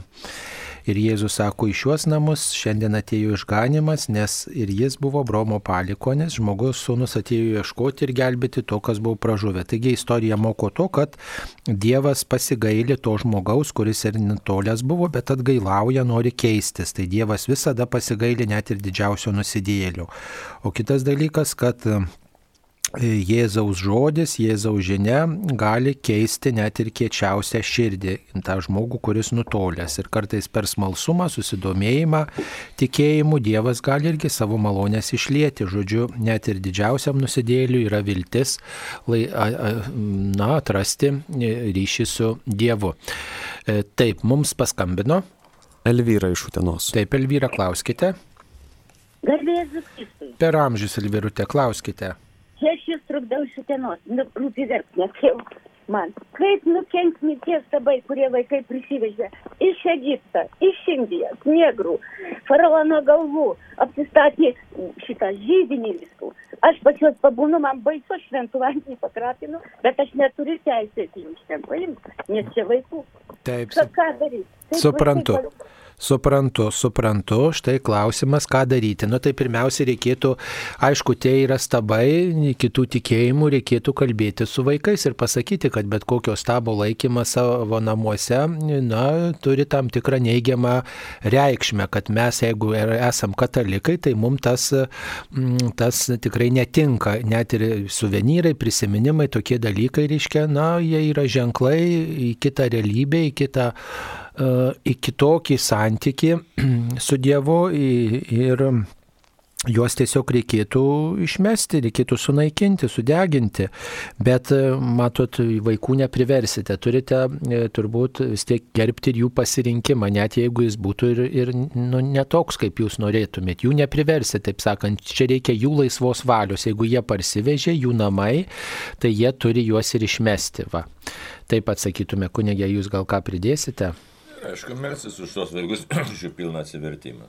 Melskitės už juos ir tiesiog priminkite ypatingai kažkaip gal pasimeldus pirmiausiai už juos, už tą pokalbį, vat, paprašykit šventosios dvasios savo ir jiems ir jūsų tam susitikimui ir tikrai, kad jie suprastų, jog reiškia stabo laikymas namuose arba užuominos į kitą tikėjimą, tai yra nu, pavojus, pavojus mūsų santykiui su Dievu, ypatingai kai jis yra paviršutiniškas. Jeigu, pavyzdžiui, mūsų santykis su Dievu yra labai stiprus, tai tada tas kažkoks ženklas, nu, jis net ir jeigu kažkokiais ir edukaciniais tikslais laikomas namuose ar, ar muziejuje, ar kur, tai jis neturės tokios reikšmės. Bet jeigu žmogus nesimeldžia, nešvenčia sakramentų, tai yra labai pavojinga.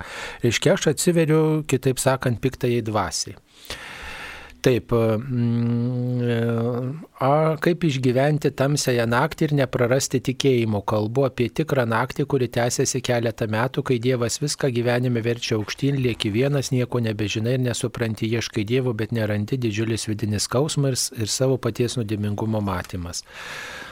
Na tai turbūt yra pirma, pirmoji, pirmasis patarimas toksai, reiškia laikytis įprastų tikėjimo praktikų. Reiškia bent jau e, minimaliai melstis tiek, kiek sugebu, tiek, kiek galiu melstis minimaliai ir, ir, reiškia, ir diena iš dienos ir prašyti kitų žmonių maldos. Vienuolynų prašyti kunigų.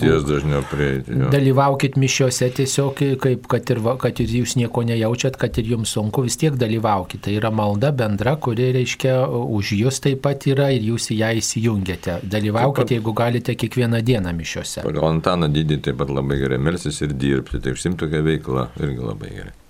Nu va ir aišku, sakramentalijos reikalingos, paprašykit, kad kunigas pašventytų rožinį medalikėlį, visuomet su savim nešiokitės, tai sunkiais momentais trumpos maldos. Net jeigu tikrai slegia, labai galima ir ligonių sakramento paprašyti iš tikrųjų, nes tai yra dvasinis legimas, tai yra tokia palaiminimo jo. Ir dažna, da, dažnai priimkite komuniją, va, tai čia tokie patarimai. Ir kunigą paprašyti, kad ranką uždėtų iš tą išgydymą, tiesiog išlaisvintų tokią maldą, nu, bet kokią maldą sukalbėtų savai žodžiais. Tai va. Dažnai vartokit švestą vandenį, taip pat persižegnokit švestų vandeniu, va, kai kurie žmonės net ir, e, reiškia, kiekvieną dieną kelis kartus tą daro, tai tas yra labai reikalinga toks dvasinės pagalbos prašymas ir dažnai prisiminti Dievo akivaizdą, Dievo meilę, Dievas mane myli ir tiesiog galbūt kartoti kai kurias trumpas trumpas maldas tiesiog iš švento rašto. Iš šios namus šiandien atėjo išganimas, pavyzdžiui, kaip ir va iš Zachėjaus istorijos. Dažnai tą pakartoti, į mano namus ateina išganimas. Jėzau, tu ateini pas mane. Taip mums paskambino. Mums iš Vilniaus paskambino Albina. Albina, klauskite. Aš norėjau paklausti, kodėl taip mažai minimas monsinjoras Varinskas? Juk vis tiek nusipelnė ir tėviniai, ir bažnyčiai, bet labai jau taip visi palaiminti, visi O, o tas, tas monsinjoras, kiek jis kryžių pastatė partizanam ir niekas labai jo neminė. Bažnyčia kažkaip tai aš negirdžiu. Kodėl taip? Nu tai nežinau, kaip jūs negirdite, nu matot, visų nepaminėsime, yra tam tikros progos, kaip prisimename, o kaip mes visus suminėti negalime, o palaimintieji, kurie yra, tai jie yra jau bažnyčios paskelbti ir tada tada yra progos e, dažniau juos minėti, reiškia jų, jų liturginiam kalendoriui yra jų, jų dienos ir tada nuo jų užtarimo prašome ir taip toliau. O Svarinskas yra iškilus žmogus, bet nepaskelbtas palaimintuoju, tai aišku, kad jis negerbiamas taip, kaip palaimintieji gerbiami, kad atlaidai švenčiami ir visa kita susijęs su jų dienomis. O, o, o Svarinską prisimenam ir įvairiom progom ir, ir, ir, ir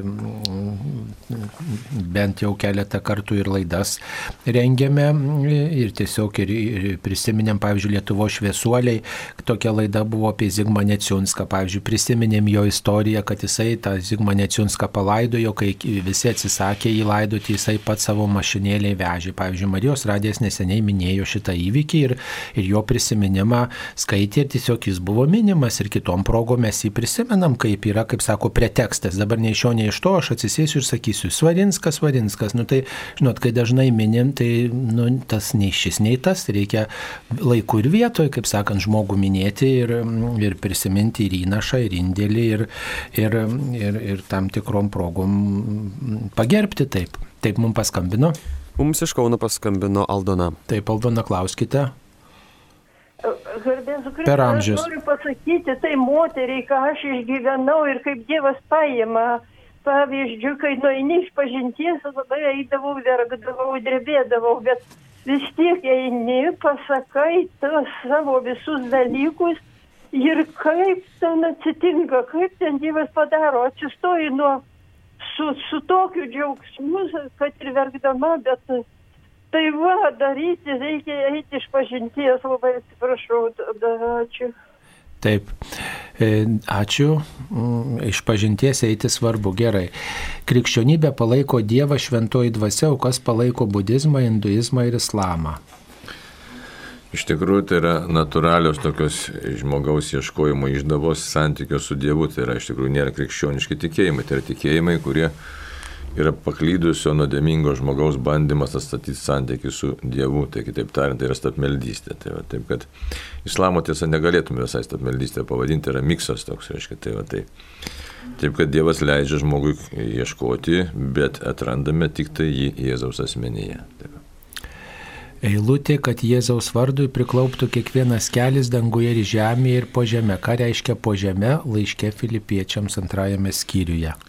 Ką tai reiškia? Reiškia, kad keli gali būti paaiškinimai, kad vienas dalykas, kad iš tikrųjų visur absoliučiai, aiškiai, Dievui garbė. Ir dar gali būti toks siauresnis supratimas, kad taip pat ir mirusių pasaulyje.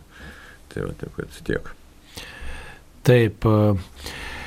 Neseniai, būdama 50 metų, sužinojau, kad mama prieš man gimstant pasidarė abortą, tėvelis prieš mirtį tai pasakė, jautė didelį skausmą. Dabar supratau, kodėl visą gyvenimą nejaučiau gyvenimo džiaugsmo, kaip padėti savo, kai prieš mane sesuo ar brolis buvo abortuoti.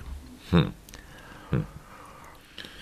Sudėtingas klausimas, nes matai, ten jau kaip aiškina, aš klausiau tokią paskaitą jau e, gydytojų, ne, ne, ne jau, kaip sakyti, čia net nedvasiniam pasauliu, kad po aborto ten baltymų spiral, spiralės nervinės ar kokios ten, reiškia, lieka kitaip gimdoji moters susisukusios ir po abortinis vaikas jau jisai gali turėti nerimo sindromą. Tai, tai buvo aiškinama, tai va, taip, kad čia tokie jau genetiškai, tai kaip dabar savo padėti Galbūt tiesiog prašyti Dievę, suteik man džiaugsmo dvasę, per daug to nesureikšminti ir tiesiog, tiesiog Dievą garbinti. Tai va, taip, kad ieškoti to santykių, gyvo santykių su Dievu, atleidžiant galbūt ir protėviam, tai yra mamai, tėvui atleidžiant. Nes Dievui nėra negalimų dalykų, tai daugiau tokį perkeliant visą tą skausmą, tokią na, mirties tą dvasę. Aišku, galima ir atsižadėtos mirties aborto dvasios. Galima prašyti kunigo palaiminimo. Iškai gal net reikėtų to kunigo palaimą. Palaimą kažkada atsižadu samoningai, atsižadu mirties dvasios, naikinimo dvasios, aišku, kuri palėtė mūsų šeimą. Tai. Taip, laidoje pasakėte, kad Juozapas yra Kristaus tėvas, girdėjus esu, kad vadinosi globėjas, ar čia žodžių žaidimas. Čia reikia suprasti žydų, aišku, žydų mąstymą, aišku, teisėtas buvo teisėtas vyras, o ne tėvas. Tai, aišku, tai Tai yra labai svarbu, kodėl dabar, todėl kad teisėta tėvystė ir, ir pirmagimis, kas yra mums pirmagimis, nieko nereiškia iš tikrųjų mūsų kultūroje. Šiek tiek reiškia mūsų protėviams dabar, o žydams tai buvo ypatingas, reiškia, asmuo pirmagimis ir kuris iš teisėtos šeimos kilęs. Taip, kad pirmagimis visa, visas paveldėjimas jam ir Dievo palaima jam teko. Už tai, kai skaitome ne E, kai apie Mariją kalbam, kažkaip pirmagimis, tai, nes jeigu atsivers, mato Seną testamentą, pažiūrėt, turėjo visi pirmagimiai ir gyvulių, ir žmonių vyriškos lyties išbūti atpirkti, tiesa, išpirkti kitų gyvulių. Reiškia, jeigu, sakysim, gimė asilas, e, patinėlis, tai jis turėjo būti išpirktas kokiu nors ten eriku arba avinė šito ožiuku.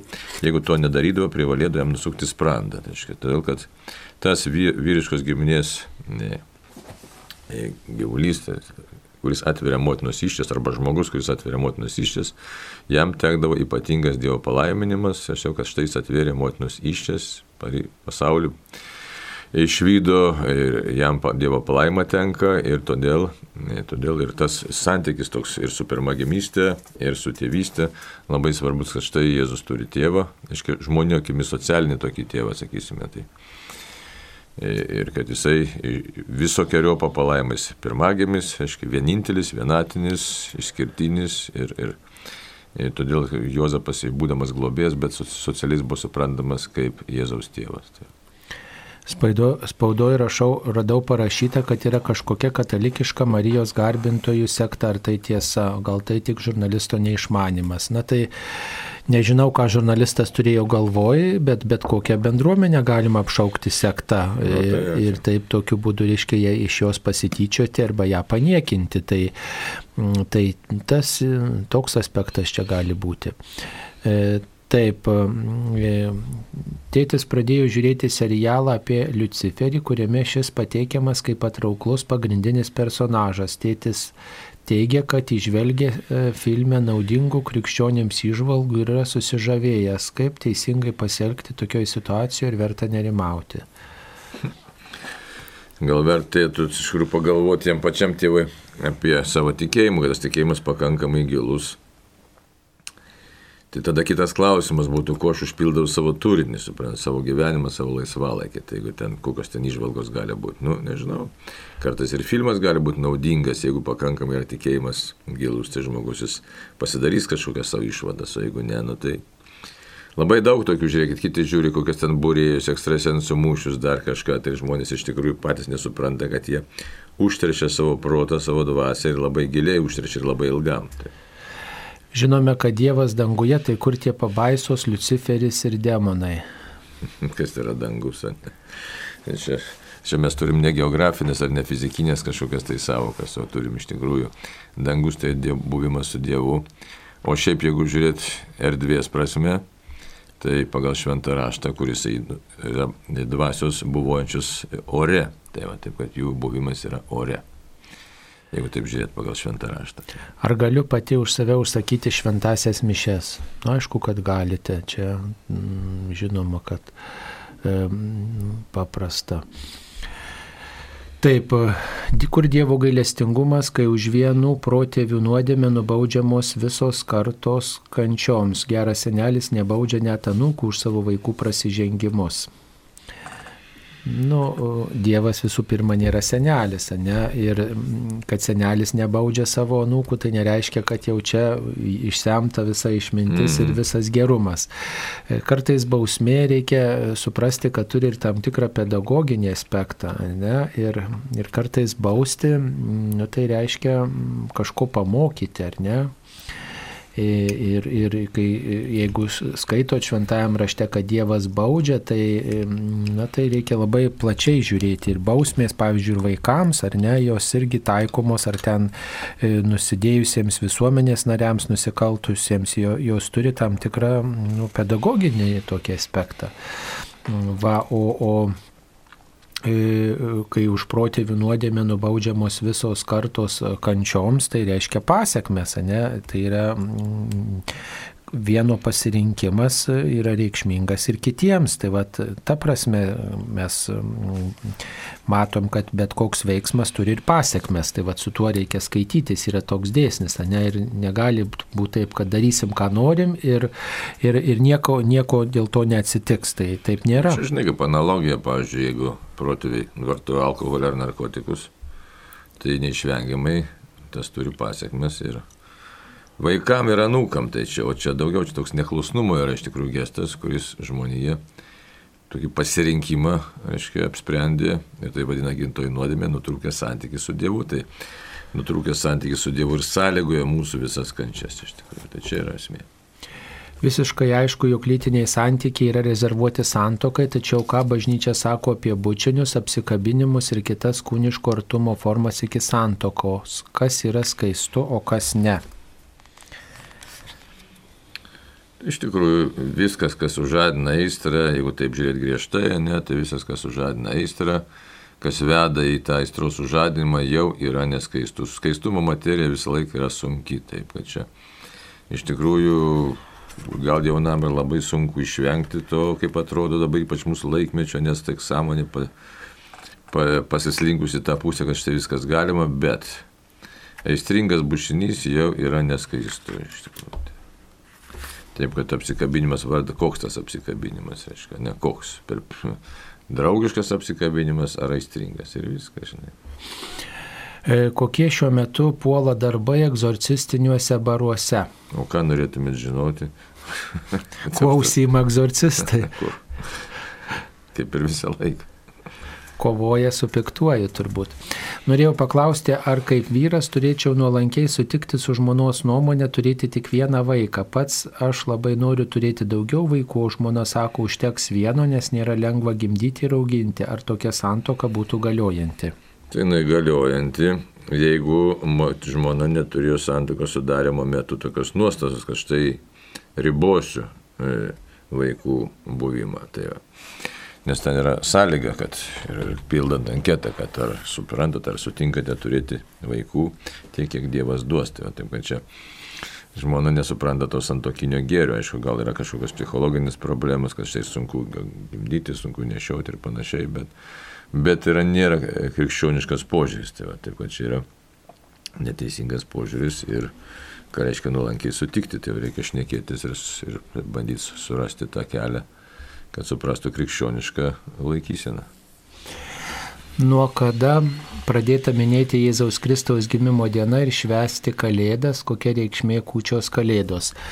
Na tai pradėta švęsti maždaug nuo ketvirto amžiaus, nes iš pradžių labiau susikoncentruota, turbūt ir dabar ta... Ir buvo kilnojama šventė iš pradžių. Tai. Taip, ir buvo susijęta su, su Kristaus apsireiškimo švente, trijų karalių švente, žodžiu, paskui kilo kaip atskiro šventės. O Kučių reikšmė tai yra vigilija, kalėdų mm, iškilmės vigilija, reiškia, išvakarės ar ne, ir, ir e, tikėjimo įvykiai visi tokie pažymimi naktį, nes naktis primena tam tikrą išėjimą iš tamsos į šviesą dažniausiai ir tam tikrą slėpinį, kad Dievas mus kartais klystančius, kartais pasimetusius, kartais nežinančius prasmės veda į šviesą. Vat, ir, ir visi tie didieji tikėjimo įvykiai vyksta su te temus, reiškia, ta labai tokia e, graži simbolika yra.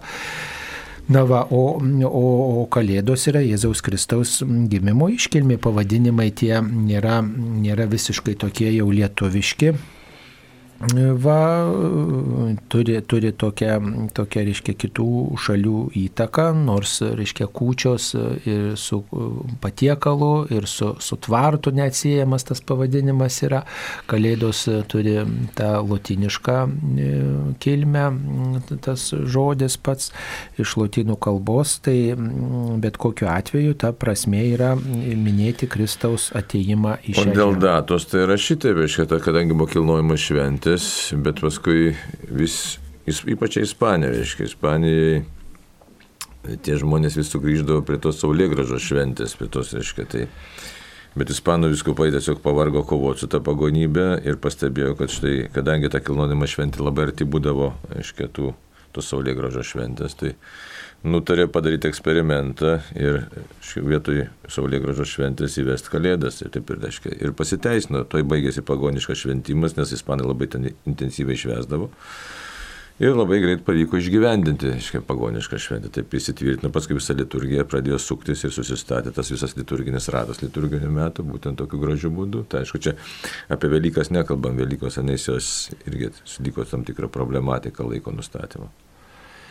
Taip, dabar mums paskambino. Iš Klaipėdos paskambino Zofija. Taip, per amžius. Atleiskite už sutrukdymą labai. Sakykite, aš nu, jau greitai, kaip vyras miręs du metai, o mano dukra, ap, nu, nes, nu, prieš metus ap, nu, įsidūrė akį.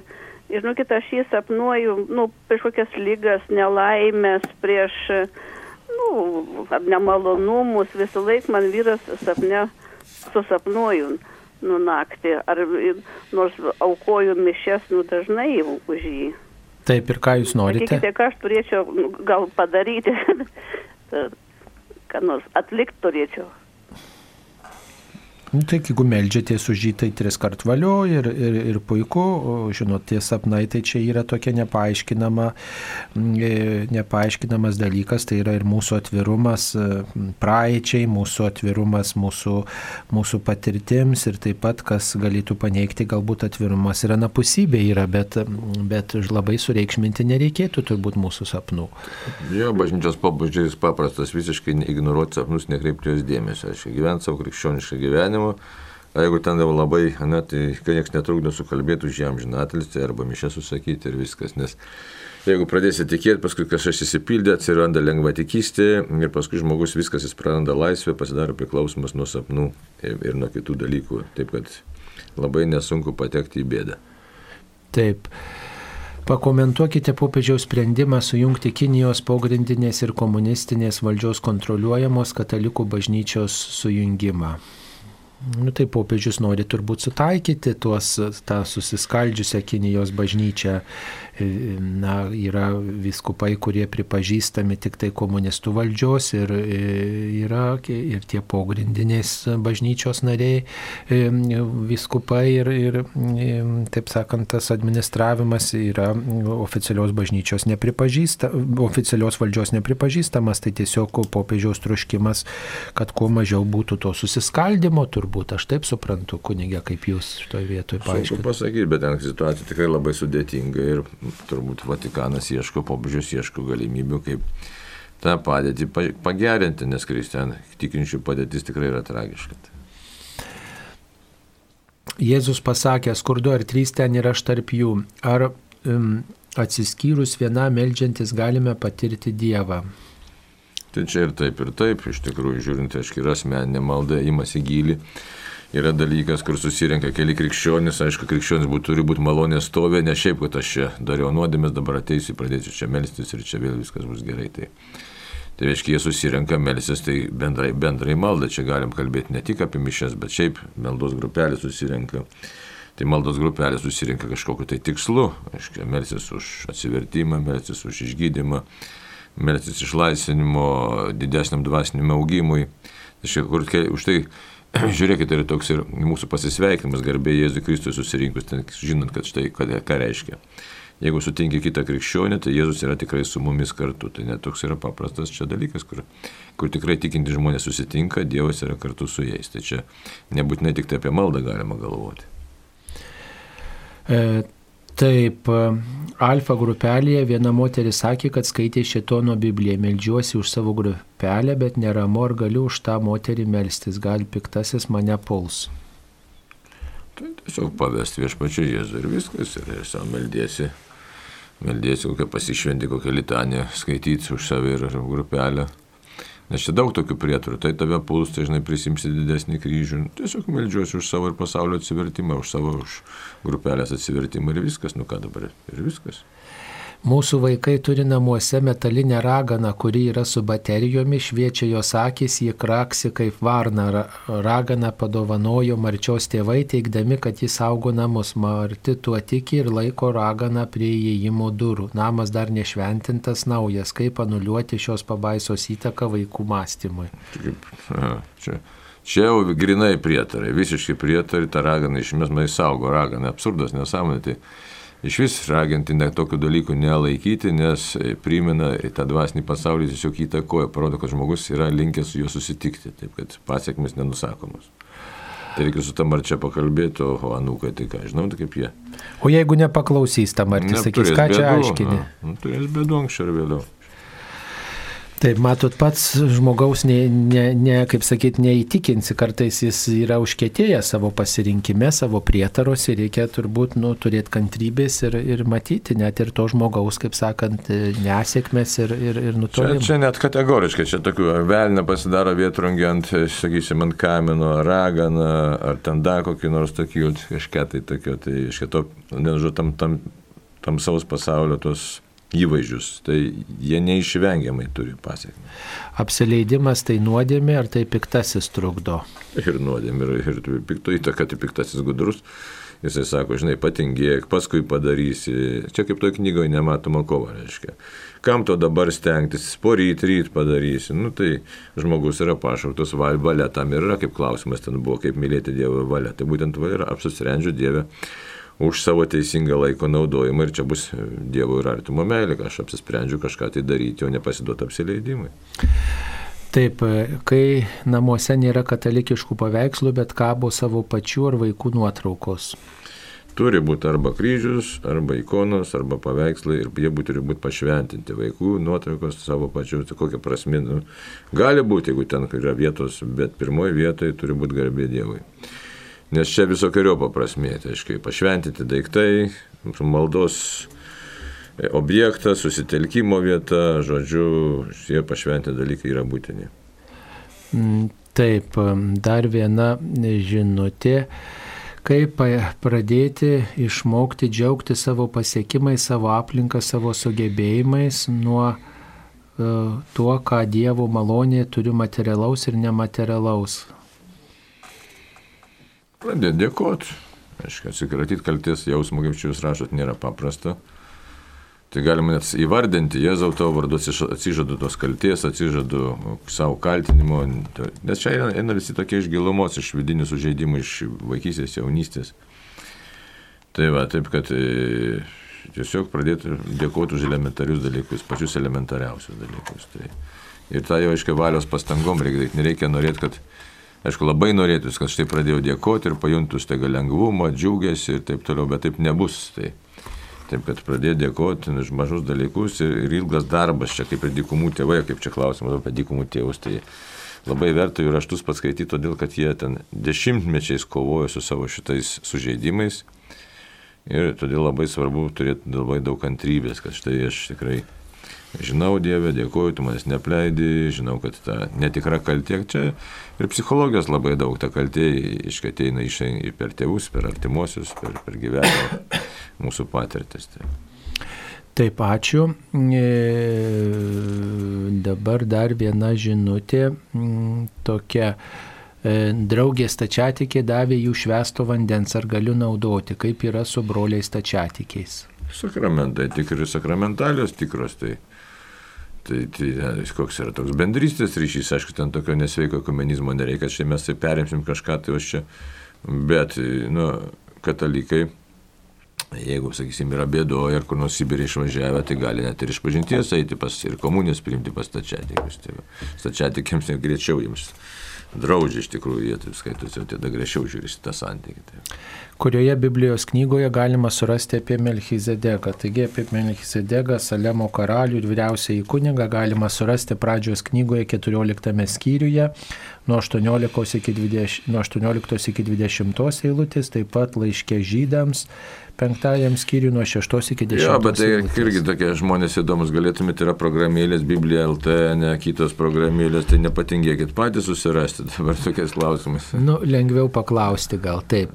E, mišios. Ne, bet bus nauda, paskaitysi šventą raštą tuo pačiu metu. Taip, nu gal nori paklausti kažko. Ką reiškia tai, kad šventosios mišios yra Kristaus aukos sudabartinimas nekruvinu būdu, juk Kristus vieną kartą visiems laikams pasirodė, kad sunaikintų nuodėmę, kad nuimtų visų nuodėmės ir be kraujo praleimo nėra nuodėmio atleidimo, juk pats Jėzus sakė, tai darykite mano atminimui, o ne aukos sudabartinimui. Ar nebūtų tiksliau taip ir vadinti, kaip Jėzus įsakė?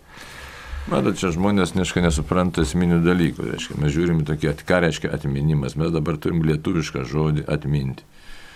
Tai va, taip, kad darykite kam, reiškia. Tai jeigu pasižiūrėtume vėl tekstą, koks tas atminimas, ką tai reiškia atminti. Tai atminti ar būti. Tai va, taip, kad Todėl ir netuščioj ne, ne vietoje bažnyčia pirmieji patys krikščionys iš karto suprato, kad tai yra mano kūnas, tai yra mano kraujas. Aiškia, tai kaip dabar atminti ar būti tai tas atminimas iškart ir nukelia mus į tikrą realybę, nes mato, Dievui nėra laiko.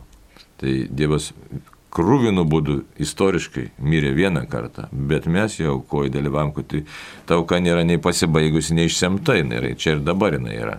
Jin perima visą žmoniją iki laikų pabaigos ir visą amžinybę. Tai va, taip, kad kaip mums sakyti, įžengti į tą auką, kaip joje dalyvauti, tai mes tą vadinam su dabartinimu, e, atmenam kaip tokia memorija, kaip sakyti, atminimas toks yra. Tai atmenam to tokiu tik tai istoriniu aspektu, bet realybės aspektu, čia skirtumai yra istorinis momentas ir realybės momentas. Tai realybės momentas yra tai, kad aš iš tikrųjų čia ir dabar dalyvauju toje pačioje aukoje.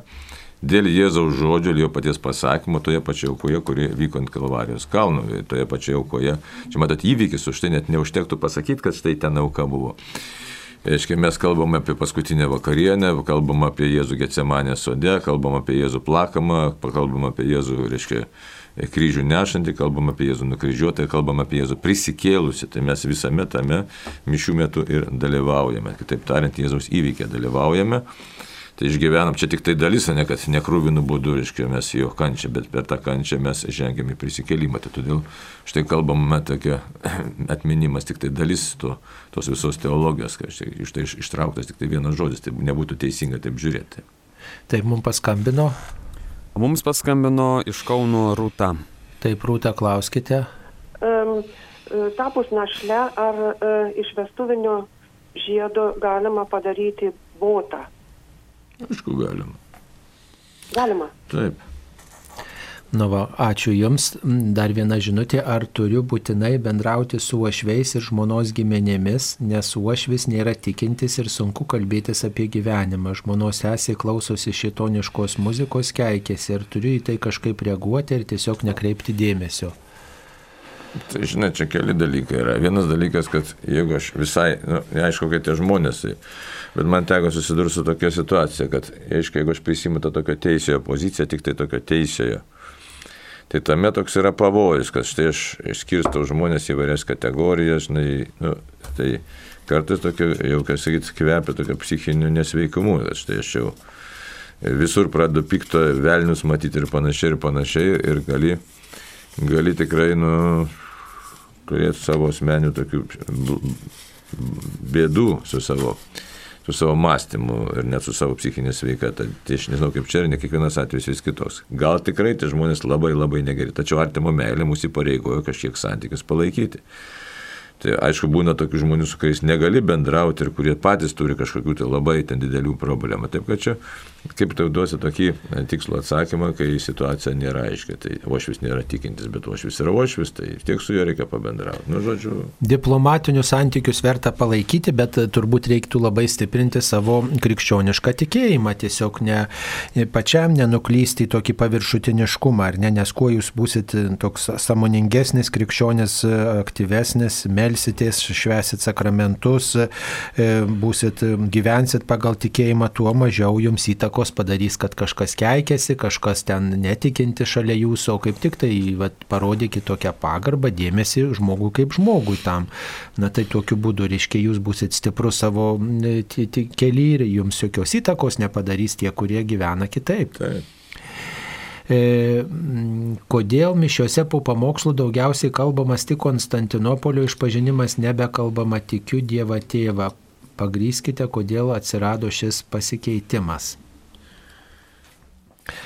Tai visuotiniai bažnyčioje šis pasikeitimas, reiškia, seniai buvo, tik tai Lietuvoje mes paprastesnį variantą buvom pasirinkę dėl to, kad Lietuva na, tiesiog čia gyveno, kaip sakant, už geležinės uždangos, o visuotinė bažnyčia jinai seniai tą e, tikėjimo išpažinimą ilgesnį kalbėjo, ar ne, tą, reiškia, Nikėjos Konstantinopolio. Ir, ir tada, kai, reiškia, mes labiau atsivėrėm visuotinės bažnyčios tam kvėpavimui ir, ir pradėjom gyventi labiau pagal antro Vatikano susirinkimo nutarimus, e, na, tai viskupai tą tikėjimo išpažinimą ir kvietė mišiuose išpažinti ir jisai išsameu mūsų tikėjimą tiesiog nu, paaiškina, nu, gal jį sunkiau prisiminti, bet yra lapeliai, tekstai, visada paskui kunigą galima kalbėti ir jeigu dalyvauja dažnai mišiuose, tai jį ir įsiminti. Matai, ten mintis tokia, kad labiau išryškinti trejybę, nes mes taip nesusimastom, iš paštų tikybos išpažinime taip pat yra sunkių vietų, sakysim. Sėdi Dievo tėvo dešinė, paklausi žmogaus, kaip tai sėdi, kur sėdi, ir negali paaiškinti, ką reiškia nužengiai pragarus, o ne nieks net kreipia dėmesio, kad nei pragarai pragarus ir panašios yra keletą vietų. Tai va, taip, kad Nikėjos Konstantinopolio tam išpažinime, tai yra tiesiog mintis, kad labiau suvoktume savo tikėjimo turinį. E, Taip, lankiau jogą, ten buvo keli pratimai, bet ir ugnie, ne tik keli pratimai, bet ir ugnies atnašavimas, kokie mano žingsniai norint būti krikščionių bendruomenės dalimi, jau jogos nepraktikuoju keturi metai.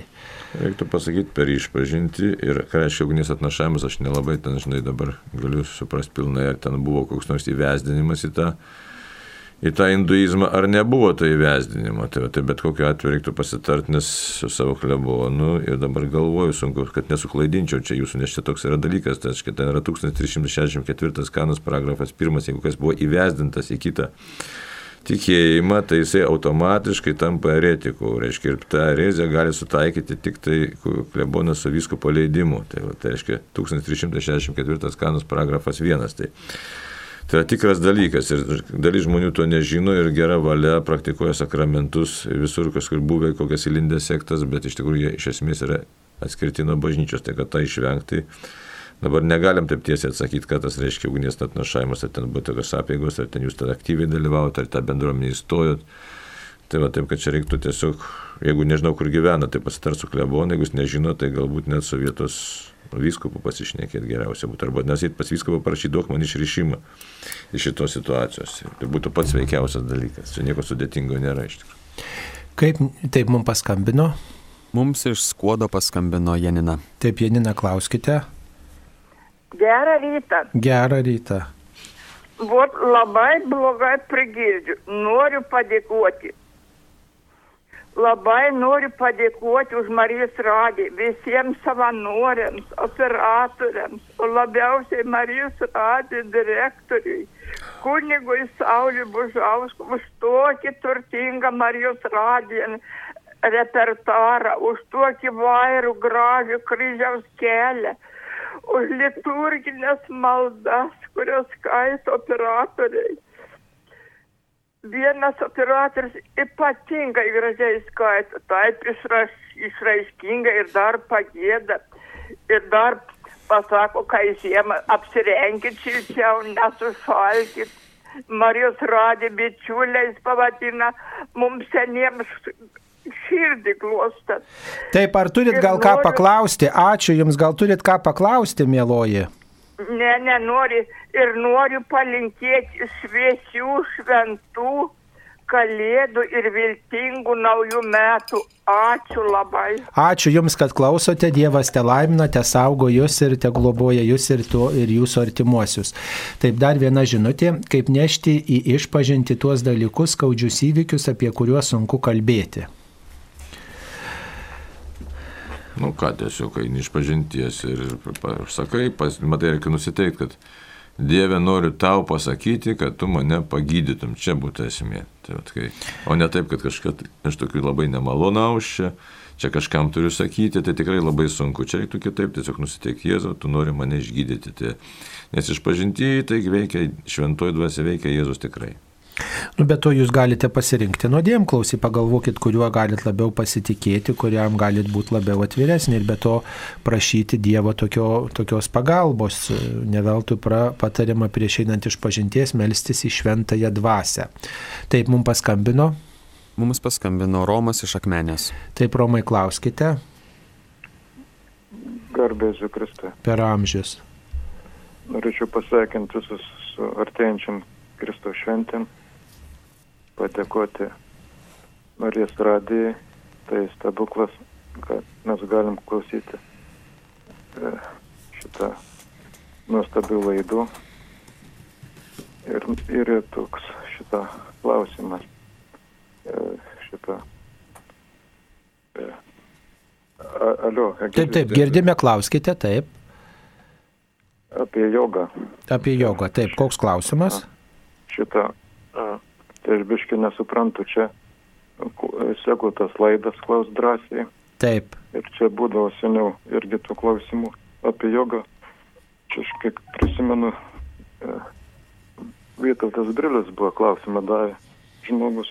Tai e, paklausė, sako, kaip tenai, sako, yra su ta e, joga, ar galima, sako, pra, daryti pratimus tempimo jogoj. Jogoj. Nu tai sako, ai, drąsiai galima daryti. Nu tai aš nesuprantu, kaip čia dabar ko klausyti. Man atrodo, jeigu taip, jeigu taip negalima, tai reikia perspėti, kad nepadėm žmonių. Tai vat, ačiū už, už atsakymą. Čia keli dalykai gali būti, reiškia. Taip.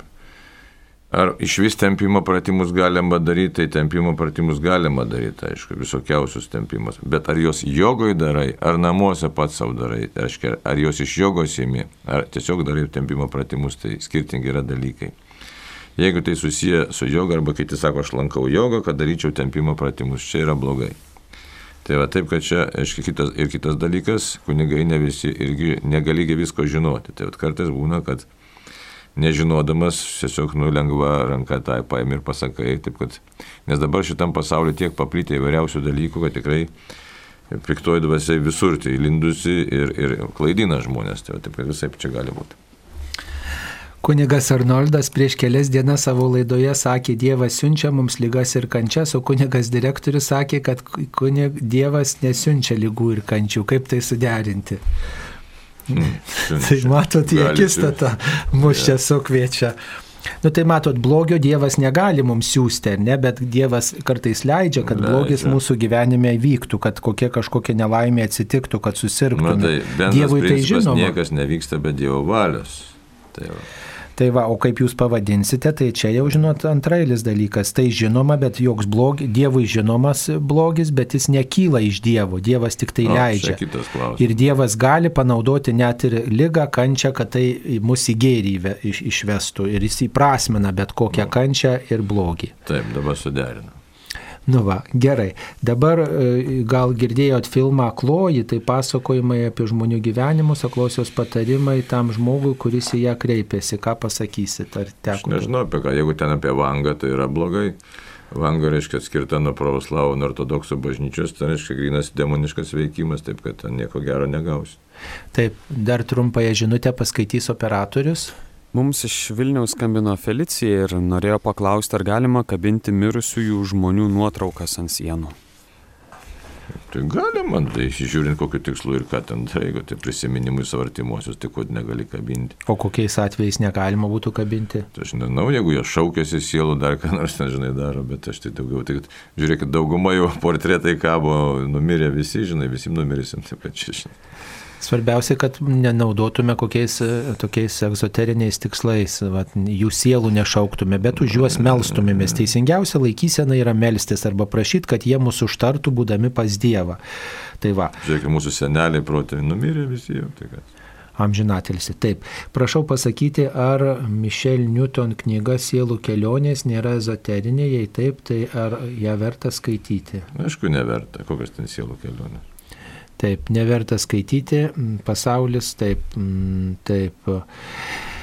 E, minėjote, kad svarbu žydų tikėjime pirmagimis. Norėjau sužinoti, kokia situacija, kai gimsta dvinukai, trinukai, natūraliu būdu, natūraliai pastojus. Kaip tada, ar pirmiau gimęs turi tokią, kokią nors privilegiją žydų tikėjime, kad jis pirmagimis atvėręs mamos iščias. Taip, pas izraelitus turėjo tą svarbą ir žiūrėkit, ir Jokūbas, kai gimė su Jezavo, tai ką, net pirmajam užryšo, kuris pirmas iškišo rankytę, užryšo raudoną siūlą, reiškia, kad atskirtų, kuris pirmasis, tai va, taip, kad pas juos tai buvo svarbu, mums tai visiškai neturi jokios reikšmės.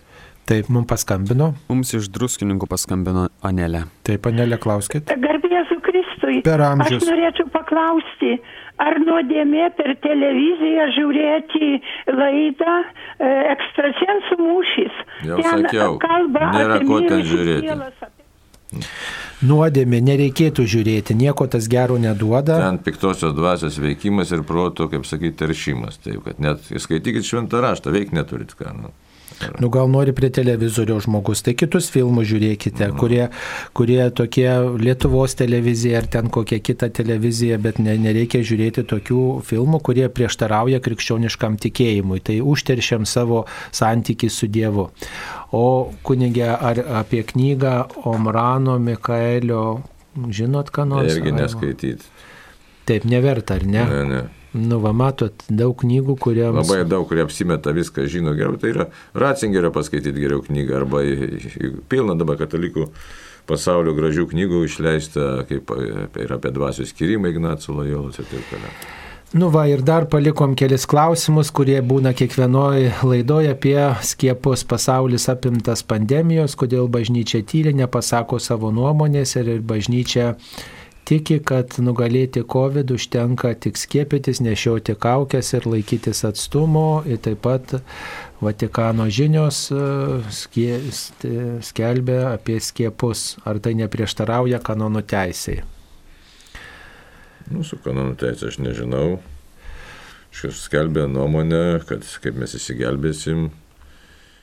Tai va, tai, tai čia, nu, praktika tokia gyvenimiška, žinai. Skiepai medicinos atradimas yra ir, ir daugybė skiepų tikrai padėjo suvaldyti ligas ir, ir, ir, ir tikrai ta, nu, daugelis lygų yra suvaldyta. Dėl šitų skiepų kyla daug įvairiausių klausimų, tai dėl to gal žmonės ir klausia, o šiaip nu, bažnyčia pasisako, kodėl. e, Bet e, tiesiog, nu, kaip sakyti, yra daugybė žmonių, kurie mato turbūt priešingą nuomonę. Čia žmogaus pasirinkimas. Jeigu jūs e, ne, e, kaip čia pasakyti, ne, nepritarė, tai jūs laikykitės kitų saugumo, saugumo priemonių. Nesvarbiausia turbūt artimo meilė išlaikyti šitoje vietoje. Aišku, ir labai siausia yra nuodėmė, tai žinai, nuodėmė apie mus į šį pasaulį yra, tai čia reiktų gvoltų šaukti, žinai, tai bet ar mes patys šaukiam to gvoltų, žiūrėkit, mūsų artimieji kaip gyvena susidėję, nuodėmės ir į tą jaunimą mes visi nuodėmės pateisinami ir taip toliau. Nu ir žodžiu, nieks čia gultų nešaukia, niekas nepuola atgailauti. Tai galim įvairiai žiūrėti, sakom, sukūrė tą virusą, gal ir sukūrė, bet vis tiek Dievas leido sukurti, kad žmogus kažkaip atsikvošėtų, galbūt čia prielaidos tokios, tai žinai, bet esmė tai tokia. Bet kokiu atveju reikia būti pasiruošus bet kada mirti, kad mes neturėtume ant sąžinės sunkios nuodėmės, kaip sakoma, ir susitaikius su savo artimaisiais ir, ir tiesiog, nu, pasirinkus tikėjimą. Va, o kada mums tas ištiks, jeigu priimtina jums šita štai nuomonė, kad skiepai reikalingi, tai jūs priimkite, nepriimtina, na tai, bet, kaip sakant, irgi, bet išsaugokite Bet lyga sunki iš tikrųjų. Taip, tai tiek suspėjom atsakyti jūsų atsiustas žinutės. Dėkojam kunigui Arnoldui Valkauskui, prie mikrofono buvau ir aš kunigas Saulis Bužauskas viešpats te saugojus ir te padeda tikėjimo laikytis ir jį visiems ugdyti. Ačiū sudė.